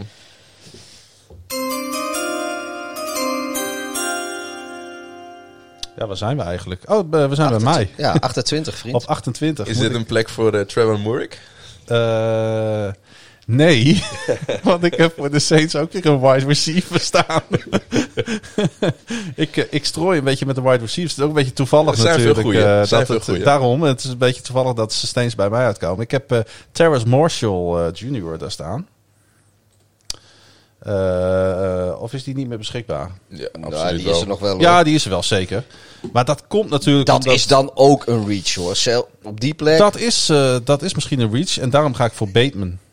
Want die staat nog, op, eh, die staat nog open. Oh, je, je bent wel voor Bateman gegaan. Ik ga nu voor... Ja. Heb jij al geklikt dan? Oh, Heb ik al heb geklikt? Marshall er al in dan, eh, dan, ga, dan blijf ik bij mijn pick. En dan, nee, ik heb eh, nog niet geklikt, want ik wacht gewoon tot het definitief... Ik- Terrace eh, Marshall Jr. gaat, ja, maar ik heb nu net Rashad Bateman geklikt. gaat voor de Saints spelen. Klootzak. Nee, helemaal niet. Eh, wie zeg jij? Marshall Jr. Ja. Nummertje 40? Ja, ja absoluut. hoor, die draft ik ook wel voor jou dan. Dat kan mij Ja. schelen. Ja. Volgens mij zegt eh, iedereen die luistert, die is in slaap gevallen. Nee, dat denk ik niet. Dat denk ik juist niet. Ik denk deze keer niet. Want iedereen zit denk ik mee te kijken op zijn telefoon en mee te, mee te klikken. Mee te overal. draften. Ja, dat, overal. eh, daar geloof ik wat, wel in. wat, wat gaan ze doen? En eh Terrence Marshall, ja, nee, een snelle jongen. eh, Ja. Echte outside receiver. Kan direct de rol van Ja. Emmanuel Sanders overnemen. Ik denk ook dat hij goede productie kan draaien. Zeker weten. Eh, als ze de quarterback positie... eh als Jameis Winston. Jameis Winston houdt in ieder geval van diepe ballen gooien. En Terrence Marshall houdt van onder Precies. diepe ballen rennen. Dus ik, ik zie de match wel. Ik zie de match ook. Nou, hier heb je hem. Eh, volgens mij eh, weten jullie wel wie ik eh, hier ga kiezen. Eh Rashad Bateman, eh, wide receiver, Minnesota. Naar de Green Bay Packers. Sorry, welk, welk team? Ik verstond je niet. de, de, de, de, de groene uit eh, het, het pakketje. De, de, Weet dat hij je elleboog doet. ja, dit is niet echt corona-vriendelijk, Nee. nee. Maar eh, als Rashad Bateman hier nog op het bord staat, dan denk ik dat eh, Aaron Rodgers hoogpersoonlijk weggaat bij de Green Bay Packers als ze hem niet kiezen. Eh, Bateman is, wat, wat Waarom kies je hem dan? Ja, omdat iedereen, jij bent hier de enige die, die, die Green Bay niks gunt. Ik vind Green Bay gewoon best wel een oké ploeg. Eh, ik, ik gun ze wel een fijne receiver die al in de kou heeft gespeeld bij Minnesota. Eh, en gelijk al achter de, de beste receiver is achter Devante Adams. Nou, ik ben blij dat ik zo mijn laatste pick heb. Dan kan ik naar huis. Dan maken jullie het maar af, eh, die draft. hier. Is Want, goed. Rashad Bateman, oh. Rashad Bateman, receiver van, van Minnesota naar de Green Bay Packers. De nieuwe, de nieuwe Justin Jefferson hier. Wat gaan ze in Buffalo doen? Naast wings eten. In Buffalo. Ja, ik, eh, ik, ik had hier ook eh, edge rushers staan. En die, die zijn er allemaal gewoon nog. Eh, alleen, ik had niet Jalen Phillips hier staan, inderdaad. Ehm, ik heb Joe Tryon nog staan. Maar, ik denk... Het zou een hele goede zijn. dat denk ik ook. Alleen, ik weet eigenlijk wel zeker dat, dat als onze... Ja, nee, ja, Joe, nee, ik denk dat Joe Tryon, dat, eh, dat gaat hem wel worden. Van eh, Washington, hè? Ja, van de, van de, van de Huskies. Ja, ik kan eh, ik eerlijk gezegd niks, niet zoveel over hem, over hem vertellen. Ik moet eerlijk zeggen dat hij ook niet heel erg hoog stond op mijn, eh mijn S-lijstje. Eh, ik moet ook eerlijk zeggen dat ik niet super veel van hem gezien heb. Ehm, wat ik van hem gezien heb, eh raw speler. Ehm, in, ik had hem tweede, eind tweede ronde grade gegeven. Maar ik weet dat er ook mensen zijn die heel hoog op hem zijn. Hij is eh, iets krachtiger dan een eh Ojulari. Maar in mijn ogen is hij eh, iets minder goed als pass rusher. Wat ik iets hoger schaal. Joe Tryon, ja, het, dit is een, een, een speler die, die ontwikkeld moet worden. En ik denk wel dat Buffalo een goede plek daarvoor is. Ja, ik las over hem dat hij ook nog wat meer gewicht eh, moet, eh, moet Ja, bouwen. maar ik denk dat Buffalo, die, dat, kijk, dat is als je aan het einde natuurlijk van, eh, van zo'n eerste ronde zit. Dan, eh tuurlijk Ja. wil je, in principe zou je, wil je in je, ron- in je eerste ronde wil je day one starters hebben. Eh, maar ik denk ook dat, eh, dat zijn wel de teams die de luxe hebben om, om spelers die eh, misschien nu nog niet helemaal zijn waar je ze zou willen hebben, maar die wel echt upside hebben. En eh, dat, dat is wel een beetje zo met Tryon. Eh, die hebben de luxe ook om die te ontwikkelen. Want het is niet zo dat, dat ze in Buffalo een, een knakerige defense hebben of zo. Wat, wat, wat- dat ze absoluut nu meteen een gat moeten dichten. Ze- Nee, zeker niet. En zeker niet op Edge. Je hebt eh, Jerry Hughes, die, eh, Jerry Hughes, Jerry Hughes, Hughes die eh, in mijn ogen best een goede comp is van eh, Joe Tryon, eh, undersized eh, edge rusher, die hem zeker wat dingetjes kan leren. Ik vraag me een beetje, ik weet niet of hij een long-term system fit is, want ik heb het gevoel dat ze daar toch meer 4-3 lopen dan 3-4 en Joe Tryon is wel meer een 3-4 backer. Maar het, ja, pass rushers kan je altijd gebruiken en als je goede hebt, dan, eh, dan ben je blij. Eh, ja, Joe Tryon waarom niet? Dat is ook eh, altijd een mooie uitspraak, hè? Pass rushers, die kun je nooit genoeg hebben. Nee. Die komt ook ieder jaar weer terug. Voor de bingo kaart. Ja, dan mogen, dan mogen de Ravens natuurlijk eh, nog een keer eh, gaan kiezen. Ja, ik word een beetje voor het blok gezet natuurlijk, omdat ik dit niet voorbereid had. Maar ik denk als je, ik denk dat, dat, dat ja. Goh, ik vind dit moeilijk hoor. Maar ik, ik denk, ik, ik, als ik de Ravens was, dan zou ik proberen namelijk om value op te pikken in ronde 2 en 3 zoveel mogelijk. Dus ik zou proberen iets met die pick te gaan doen. Ik zou hem absoluut proberen weg te traden.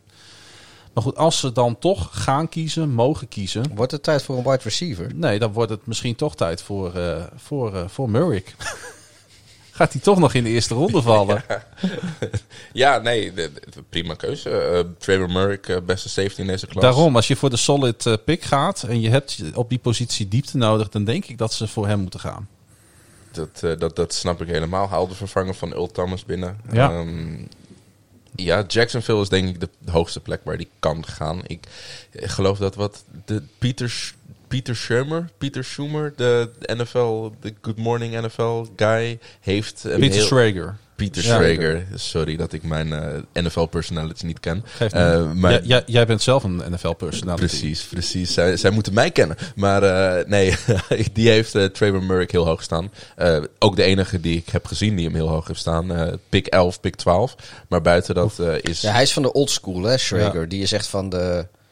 Die, die is voorliefde Van- van de voor s- alle, alle van de, van de oude... eh, ja, de, de oude, harde manier van spelen. Dat is zijn eh, ja. ik, ik denk zelf dat er... dat- leren helmen, gras eten. ouderwets. Ja. Ik denk dat er, dat er twee of drie safeties zijn die eh, redelijk dicht bij elkaar liggen. In Murray, eh, Richie Grant eh, en Javon Holland.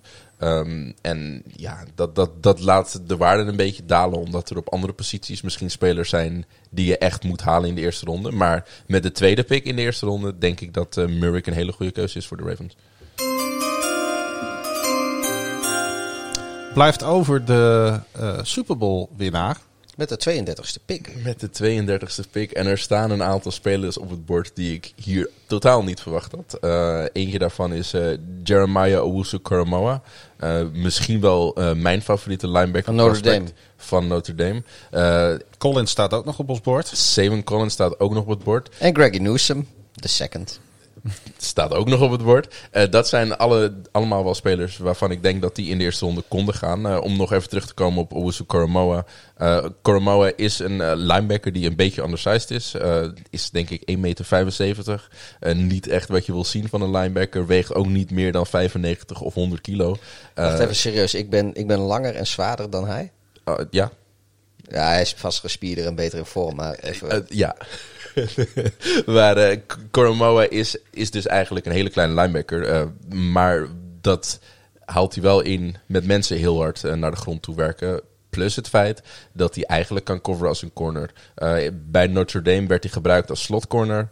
Ik ga je een heel betoog houden, maar ik ga hem niet kiezen. Maar hij, werd, hij werd gebruikt als slotcorner daar. Eh, en hij kan die rol gewoon overnemen waarin hij één op één speelt tegen slot receivers. En daar gewoon een hele goede job deed. Ik denk dat het een speler is die een goede defensive line nodig heeft om vrij te kunnen komen. En niet tegen te worden gehouden door grote offensive linemen Potentieel een goede blitzer. potentieel een goede blitzer. Dus ik zie hem op zich wel bij Tampa Bay gaan. Maar iemand die hetzelfde atletisch vermogen heeft als Carmoa. Iets minder instincts, denk ik. Maar iets meer een project. En iets meer lengte, iets meer kracht. Is Jamin Davis. Eh, een speler die me doet denken aan Devin White Kentucky. van Kentucky. Eh, dus, dus iemand die je hopelijk eh, later in die rol kan eh, brengen. Of misschien wel in de rol van Levante David. Want ik denk ook dat hij goede coverage skills heeft. Eh Jamin Davis is een interessante speler, eh, groot talent. Eh, en ik denk dat als je de luxury hebt, dat je hem hier kan kiezen. eh, op nummer 32. En een, ja, ik, ik zit even te kijken. Ik had zelf eh, Alex Leatherwood. Ik weet niet of ze offensive line hulp nodig hebben. En ik denk ook niet dat Alex Leatherwood is niet eh, is voor mij ronde 2, ronde 3. Ik had Verward Nou, ook we er, zitten al bijna ronde 2 natuurlijk. Ja, ja eindronde 2. eh eind, eindronde 2. Ik denk dat hij guard moet spelen. Eh Leatherwood is een grote jongen, maar niet echt de voeten om, om, om vast left tackle te spelen in de league. Ik denk dat een Radoon, eh Eigenburg of Christensen beter zijn. Gaan we naar de tweede ronde. Eh, de eerste pick. Nee, dat is natuurlijk niet waar. Nog 7 te gaan. Nog zeven rondes te gaan.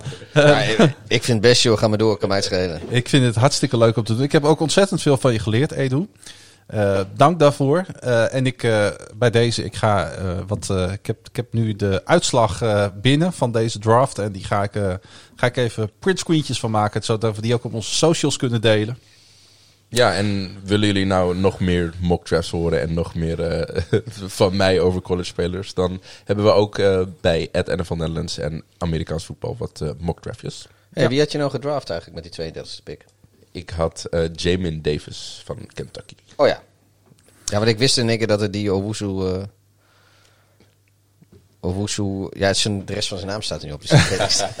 Dan moet ik even mijn andere sheet kijken. Een kenner, hè? Hey, als, als je nou niet wilt draften op talent. Cora Moa. Kijk, want ik heb hem hier... Ik had hem trouwens, eh, die naar Washington voetbalteam op de, met de 19e pick al. Ja, goede fit. Hey, als je nou niet wilt draften op, eh, op talent, op skills, maar op, op naam. Hoe, eh, wie, wie- waar moet je dan voor gaan, Edu? Ja, want, eh, Want jij bent voor ons even in, eh, in, de, in de, hoe noem je dat? In de namen gedoken. ja, je hebt natuurlijk een, eh, een, een heel leger van nieuwe mensen die de NFL in komt. Eh, en met zoveel spelers komen er ook weer geweldige namen binnen. Want wij spreken nog alles, eh, een, een naam niet helemaal goed uit. Zoals Jeremiah Owusu Koromoa, die op nummer 1 staat van de commentators nachtmerrielijst. Ja. Eh, ik, Hey, ik doe hem best goed. Het is alleen dat in dat overzicht die ik had, daar werd de helft van zijn naam stond gewoon niet in beeld. Ja, dan wordt het lastig. Ja, nee, maar ik, ik, weet het met enigszins eh eh commentatorervaring dat als je eh, drie lijntjes nodig hebt of, of zoveel lettergrepen nodig hebt om een naam te kunnen uitspreken, dat het gewoon wat lastig wordt. Dan heb je een ander lijntje nodig. ja, en er komen heel erg, eh, er komen aardig wat, eh, wat Afrikaanse jongens binnen die, denk ik, eh, redelijk wat Amerikaanse commentatoren eh nachtmerries gaan Nou, geven. noem eens wat. Eh, wa- Owusu Karamo was dus de eerste. Eh Owusu is uh, Ghanese voor doorzetter. Leuk feitje. Eh, hier hoort het hier als eerste. Wat betekent Osawaru dan? Eh Osawaru betekent... eh, Krijger, hè? Ja, krijger, Krijger. van God. Krijger van God in Hoe het de fuck weet jij dat nou weer, joh? Wat, wat, wat, wat, wat kom jij in Nigeria doen? Ja, maar dat is algemeen kennis toch? Ja. Voor hem? Voor, Ja, ik onderschat hem hier keihard. Eh, maar- ik ben benieuwd of er luisteraars zijn die dit niet wisten. Die, maar goed. Precies, eh, want eh, Osawaru Odigizua, eh een interior defensive lineman van UCLA en broer van Owa Magbe Odigizua, eh wordt ook eh gedraft in deze klas. En ik ben benieuwd hoeveel mensen dat snel kunnen zeggen. Zeg het eens drie keer snel. Ik weet niet meer wat je net zei. Osawaru Odigizua. Ik trek, Osawaru net een, blik, ik trek net een blikje bier open. Daar ben ik wel goed Osawaru in. Odigizua. Blijkbaar, eh, blijkbaar is die makkelijker dan eh Nee, maar goed, weet je, kijk, het enige wat deze man weet van Nigeria, die daar tegenover mij zit, is dat zijn fantasy naam is altijd Oluwafemi Agilore. Dat, dat, eh, dat, dat is eh, een van eh, onze favoriete Nigerianen de natuurlijk. Eh, stofzuiger op het middenveld bij FC Groningen. Precies, en om deze, dit lijstje van eh, nachtmerries van commentatoren af te sluiten, hebben we ook nog Adetekumbo Ugwe... Ug, ah, nu, nu, ik zelfs uit. Nee, het is Adekotumbo Ogundeji. Juist hem. Adeketumbo Ogundeji. De Greek freak, maar dan anders. Ik ben de blij dat ik jou ook nog wat kon leren vandaag. Dankjewel, dankjewel. Oh, ze staan ook in het script. Ze staan er Dat zie ik nu pas.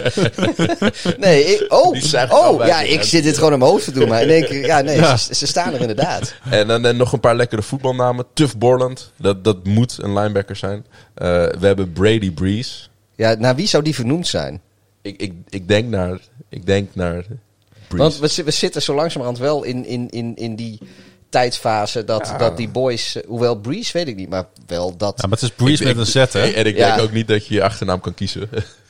Ach, waarom? Jongens, ze kunnen daar alles kiezen. Ze zetten er ook cijfers achter. Dat interesseert ze geen reet. Eh, dat, dat, dat is waar, dat is is waar. daar- Maar dat kan je ook niet kiezen, een cijfertje. Dat, En dat- misschien wel... Nee, de- jawel, dat, dat doe je zelf. tenzij, Tenzij je dit... Je kan er ook junior van maken. Dat doen ze niet. Doen ze de second. Dat is, dat dat, ja, fair enough. Hey, misschien wel de beste Edu. Ja, absoluut. Ik vind het de beste. Ja. Divine Diablo. Klinkt als een hele foute DJ. Of, of, of, of, DJ Divine Diablo. of een, eh, een Bond-villain of zo. Eh, ik, ja, ik vind het prachtig. eh, Ja, of, of de- zo'n oude duivel. MySpace profiel van, van iemand, weet je wel? Met allemaal van, van die, van die blinking animated gifjes en zo. I'm the Divine Diablo. Safety van Virginia Tech. Hij wordt vergeleken met Cam Chancellor. Ik Dus, vind het eh, een beetje een camper. Waarmee je op reis gaat. De Divine Diablo. dat dat zo achter op zo'n caravan staat. Ik denk, nou ja, jij zegt een camper, maar ik denk dat, dat met, dat, met zo'n naam in Nederland, als je zeg maar het Nederlandse equivalent ervan had, dan, dan was je een kamper. Oké, nog meer wat jou is ja, opgevallen? Nog, nog, nog twee leuke. nog twee leuke, omdat... eh, om, ja, dit- ik weet niet eens of dit een voornaam is, maar eh Puka Williams van, eh, van Kansas. En eh, natuurlijk niet te vergeten Amon Ra, Saint Brown. Dat is, klinkt heel Egyptisch. Het, eh, en dat is het broertje van eh de Eagles receiver Equanimous St. Brown. Dus eh, voornamen in de St. Brown familie eh, zijn eh bougie as fuck. Ah, jongens, is er, ooit, is er ooit iets beters in de NFL gekomen dan haha Clinton Dix? Haha, Clinton Dat Dix. blijft toch wel een van mijn favoriete namen wat dat betreft. Corn Elder is, is ook wel een favoriet van mij. We hebben natuurlijk nog wel dit jaar eh Chubba Hubbard. Chubba Hubbard, zeker. Dat running is, back, dat is, eh, die is ook wel lekker voor, voor commentatoren. Chubba. Chubba Hubbard. Chubba Hubbard. Ja, nee, en eh, er zijn nog veel meer eh, diamantjes in deze draft. eh, en Wap die Failure. gaan we absoluut voorbij horen komen. Nee, Wap Failure. Wap, ja, ja, ja. Wap Failure. Als je het uitspreekt, jongen, het is al geweldig. Weet En- je? Ik zie het nu al gebeuren. Dat, dat hij zeg maar een soort butt, butt fumble-achtige shit doet. En dat hij komt... Wap Failure. Wil je nog een leuk feitje horen over Wap Failure? Doe maar. Zijn echte naam is dus niet Wap, want dat is een bijnaam. En vind ik zijn- jammer. Zijn echte naam is Mr. Elias D'Angelo. Dan snap ik wel dat... Noem mij maar Wop, zou ik ook gewoon zeggen.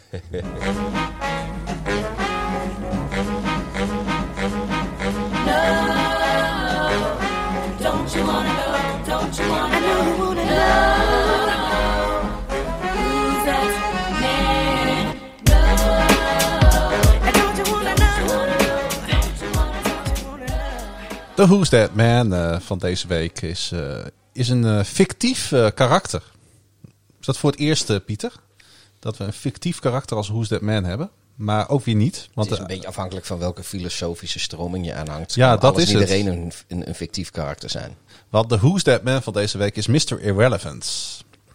Nee, dat, dat, dat is wel echt, echt iemand. En dat is echt Ieder jaar opnieuw. ieder jaar opnieuw. Dat is namelijk een, eh, een term. We, het is We hoorden hem in de intro. We hoorden hem in de intro inderdaad. En eh, eigenlijk is de Who's That Man van deze week is namelijk Ryan Suckup. Maar daar kom ik zo meteen op terug. Eerst maar eens even terug naar die term, Mr. Irrelevant. Want eh, ik heb er even een beetje onderzoek naar gedaan. Het is een term die teruggaat naar het jaar 1976. En het is bedacht door NFL wide receiver Paul Salada. Hij had zelf eh, trouwens maar een kortstondige NFL-carrière bij, ik dacht de San Francisco 49ers en ook de Baltimore Colts. En hij speelde ook eh, twee jaar in de Canadian Football League. Salada was eh, goede vrienden met toenmalig NFL-commissioner Pete Rozelle. En die Pete Rozelle die ging akkoord met die term bedacht door Salada. Want wat is nou Mr. Irrelevant? Voor de mensen die dat nog niet doorhebben. Mr. Irrelevant is de speler die ieder jaar in de NFL draft als allerlaatste wordt gekozen. Sinds 1976 is er zelfs een speciale ceremonie voor Mr. Irrelevant. En eh, dat wordt gehouden in Newport Beach in California. En daar, is dan, eh, eh, daar wordt Mr. Irrelevant na de draft ontvangen. En dan krijgt hij ook de, de Loosman Trophy. Krijgt hij daar eh, Als tegenhanger van de Heisman. ja, als parodie op de Heisman Trophy krijgt Mr. Irrelevant ieder jaar de Loosman Trophy. Wisten jullie dit? Nee, dat is nieuw Nee, voor mij. die, die Loosman Trophy wist ik niet. Nee, ik, vind het, ik vond het echt waanzinnig toen ik hierachter kwam. Ja, je Eh, zat ook al de hele middag zat je hier grijnzend eh achter je laptop. Ja. Eh, volgens Salada is het eh, namelijk een eer dat je als laatste wordt gekozen. En dat, eh, dat moet je uitdragen. Tot en met 2013 was het ook deze meneer die ieder jaar de laatste pick mocht aankondigen. Ja, ik kan hem me zo niet voor de geest halen, maar dat komt ook omdat ik op dat moment in de draft al lang afgehaakt ben. Maar we hebben hem gehoord. Maar we hebben hem gehoord in de intro inderdaad. En eh, 2013 eh, was toch echt klaar. Eh, eh, hè?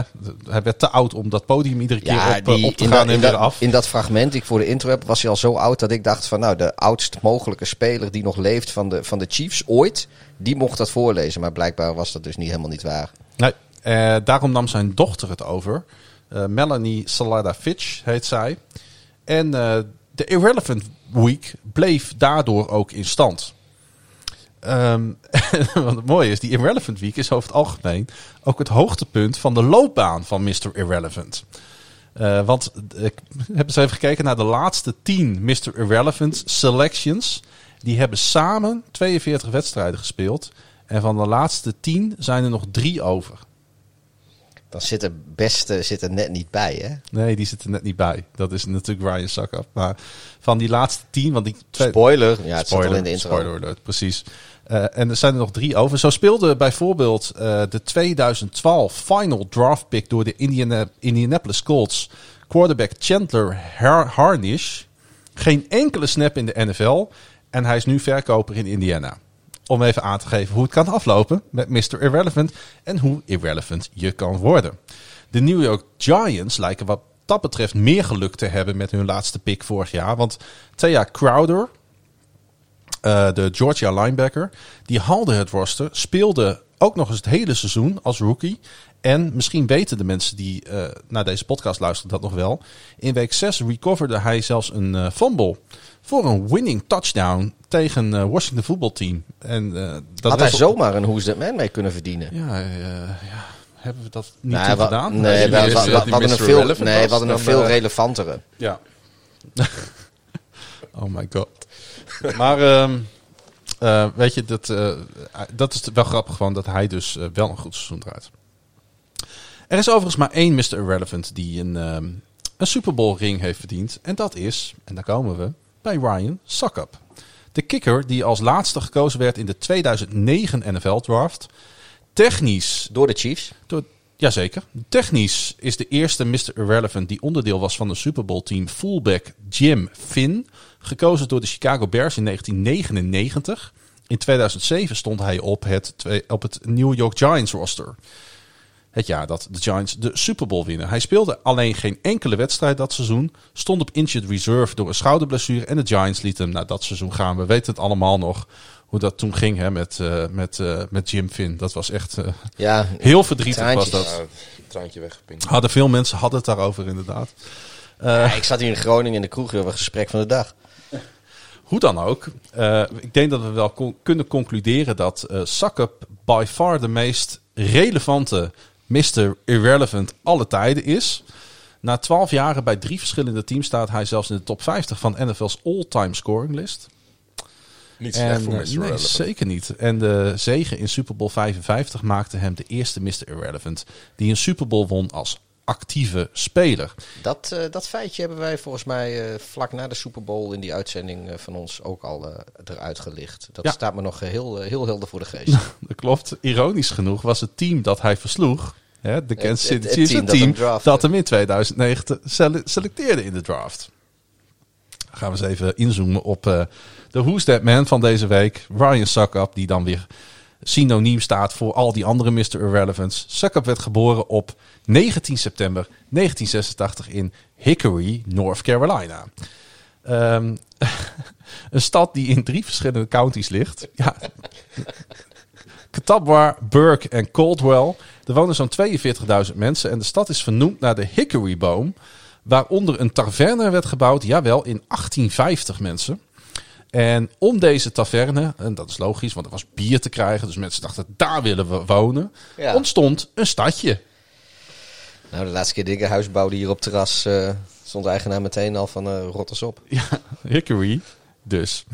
Een van de oudste meubelmakersstadjes van Amerika trouwens. Wist je dat, eh Edu? Ja. En er worden nog steeds meubels gemaakt. Hickory was in de jaren eh, eh, rond en net na de Tweede Wereld- Wereldoorlog trouwens bekend om de Miracle of Hickory. In 1944 was de omgeving Hickory het epicentrum van een van de ergste uitbraken van polio ooit wereldwijd Daar geregistreerd. staat de Tweede Wereldoorlog wel een beetje onbekend ook, hè? Om, om de polio-uitbraken. Is dat zo? Nee. Oh. Dit eh, doet, nou ja, even aan te geven in welke tijd dat plaatsvond. Dit doet weer een beetje denken aan, eh, ja, aan natuurlijk onze COVID-uitbraak van vorig jaar en dit jaar. Er golden namelijk dezelfde regels. Geen contacten onderling. Kinderen mochten niet naar buiten. En er werd zelfs in Allerijl een ziekenhuis gebouwd door de bewoners van Hickory. Omdat lokale autoriteiten labbekakkerig gedrag vertoonden. Nou, dat, dat komt mij wel heel bekend voor. Ik, ik zie daar wel een relatie Ik zie met ook een hoe het- parallel. Hoe het, nu gaat met... Ben je al Ja. een ziekenhuis gaan bouwen ook dan? Of, eh, Nee, dat ik is heb- ik heb een natuurlijk, fulltime eh, gek. zijn. Ja, Maar wat is, wat is nou het toffe aan, aan de mensen in Hickory, de, de, het, het- de stad waar Ryan Suckup ge- geboren werd? In 54 uur stond het gebouw er. Zo, efficiëntie. Nou, dat kan niet heel degelijk geweest dat, zijn. eh, Nou ja, eh, in rapport, de I huff leren. en I puff. als je dus rapporten terugleest van het Rode Kruis uit die tijd, dan is daarin terug te vinden Dat dat dat ze- gebouw nog steeds staat. dat dat de meest coöperatieve inspanning is die ze ooit hebben gezien bij het Rode Kruis. Nou, ik, ik ben blij Ja. dat Ryan Suckup daar deel van uit heeft kunnen maken. Verder kwam de stad weinig in het nieuws, eh, totdat het stoffelijk overschot van eh Sarah Baker daar werd gevonden. Dat is niet zo grappig. Nee, dat was een grote zaak in Amerika. Haar stiefmoeder werd schuldig bevonden. En er is nog altijd een speeltuin die vernoemd is naar Sarah. Die slechts tien jaar oud werd. Luguber. Ja, waar ligt de stad nou? De, de stad ligt aan de... Ik weet niet of je hem wel eens gereden hebt. De Interstate 40. En wanneer je het oosten rijdt, dan kom je uit in Salem. Is dat Eh, van de Witch Trials? Ja, precies. Winston-Salem heet het daar volgens mij officieel. Is dat, is dat ook niet van Martin Luther King?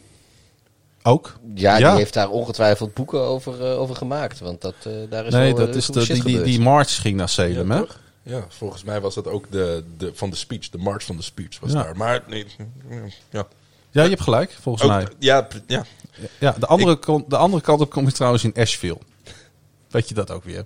En Charlotte ligt op dik een uur rijden. Hè. Daar hebben we geografisch ook even een beeld waar dat eh, Hickory ligt. Gaan we even terug naar Suckup. Suckup ging naar Hickory High School. En hij is een van de bekendste oud-leerlingen daar. Andere bekenden zijn oud-NBA-speler Chris Washburn. Die onder andere voor Golden State gespeeld heeft. En die na zijn basketbalcarrière aan de crack raakte.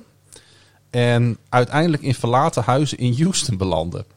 Hij verhuisde uiteindelijk wel weer terug naar Hickory, waar hij een fried chicken toko opende. Dus dat is eigenlijk de andere bekende. Weten we ook hoe die heet? Die Het- fried chicken toko. Ja, Daar moeten we even langs. fried eigenlijk. chicken. Gewoon fried chicken. Zo heet ook de toko. Dat is niet zo origineel dan. Nee, nee, nee, maar goed, zijn, hij was natuurlijk wat aangetast door de crack die hij had gerookt. Maar goed, ik dacht wel, het is wel grappig dat dit zijn dus de twee bekendste sporters die voort zijn gekomen uit, eh, uit, uit deze school. En de een eh, is, eh, is kikker geworden en de andere ja, heeft na het basketbal zich verlekkerd aan de drugs. En ook nog op het lijstje Austin Johnson, een fullback die undrafted bij de Baltimore Ravens belandde in 2012. Welk team? De Baltimore, Baltimore Ravens. Zeg, zeg zo ehm, wat. Hij heeft uiteindelijk in zijn carrière twee touchdowns gemaakt eh, bij zijn drie jaar in New Orleans. Suckup belandde uiteindelijk bij de University of South Carolina, waar hij 251 career points noteerde. Bij de Chiefs kreeg hij gelijk de starting job en hij evenaarde in zijn rookie season gelijk het NFL-record voor highest field goal percentage door een rookie met 86,2%. Na vijf jaar KC, we weten het allemaal, vertrok hij naar de Titans. Waar hij zijn eerste wedstrijd speelde tegen de Chiefs. Vond ik dan wel weer grappig. Hij maakte in die wedstrijd gelijk vier field goals en convertte twee extra points. In de 26-10 overwinning. En op 1 september 2020 tekende Suckup een eenjarige deal bij de Buccaneers. En in de Super Bowl was Suckup 4 uit 4 met extra points. 1 uit 1 voor field goal Zeven in- hele punten. in die 31-9 overwinning. En afgelopen maart tekende Suckup nog eens voor drie jaar en 12 miljoen bij bij de Buccaneers.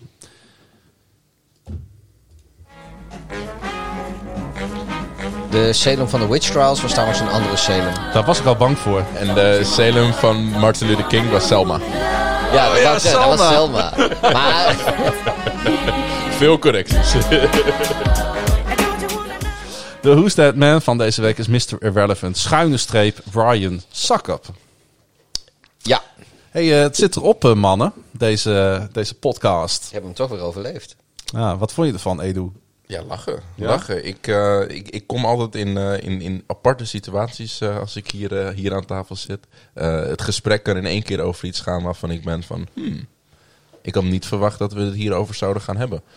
Dus dat is altijd heel leuk en verversend. Dus wat dat betreft eh, ben ik altijd een, eh, een, een, een grote fan eh, om hier aan tafel te zitten. En Ja, ik ben weet, benieuwd. Je weet nooit wat, wat, je, wat je gaat overkomen. Nee, het, is, het houdt je op de, op de punt van je stoel.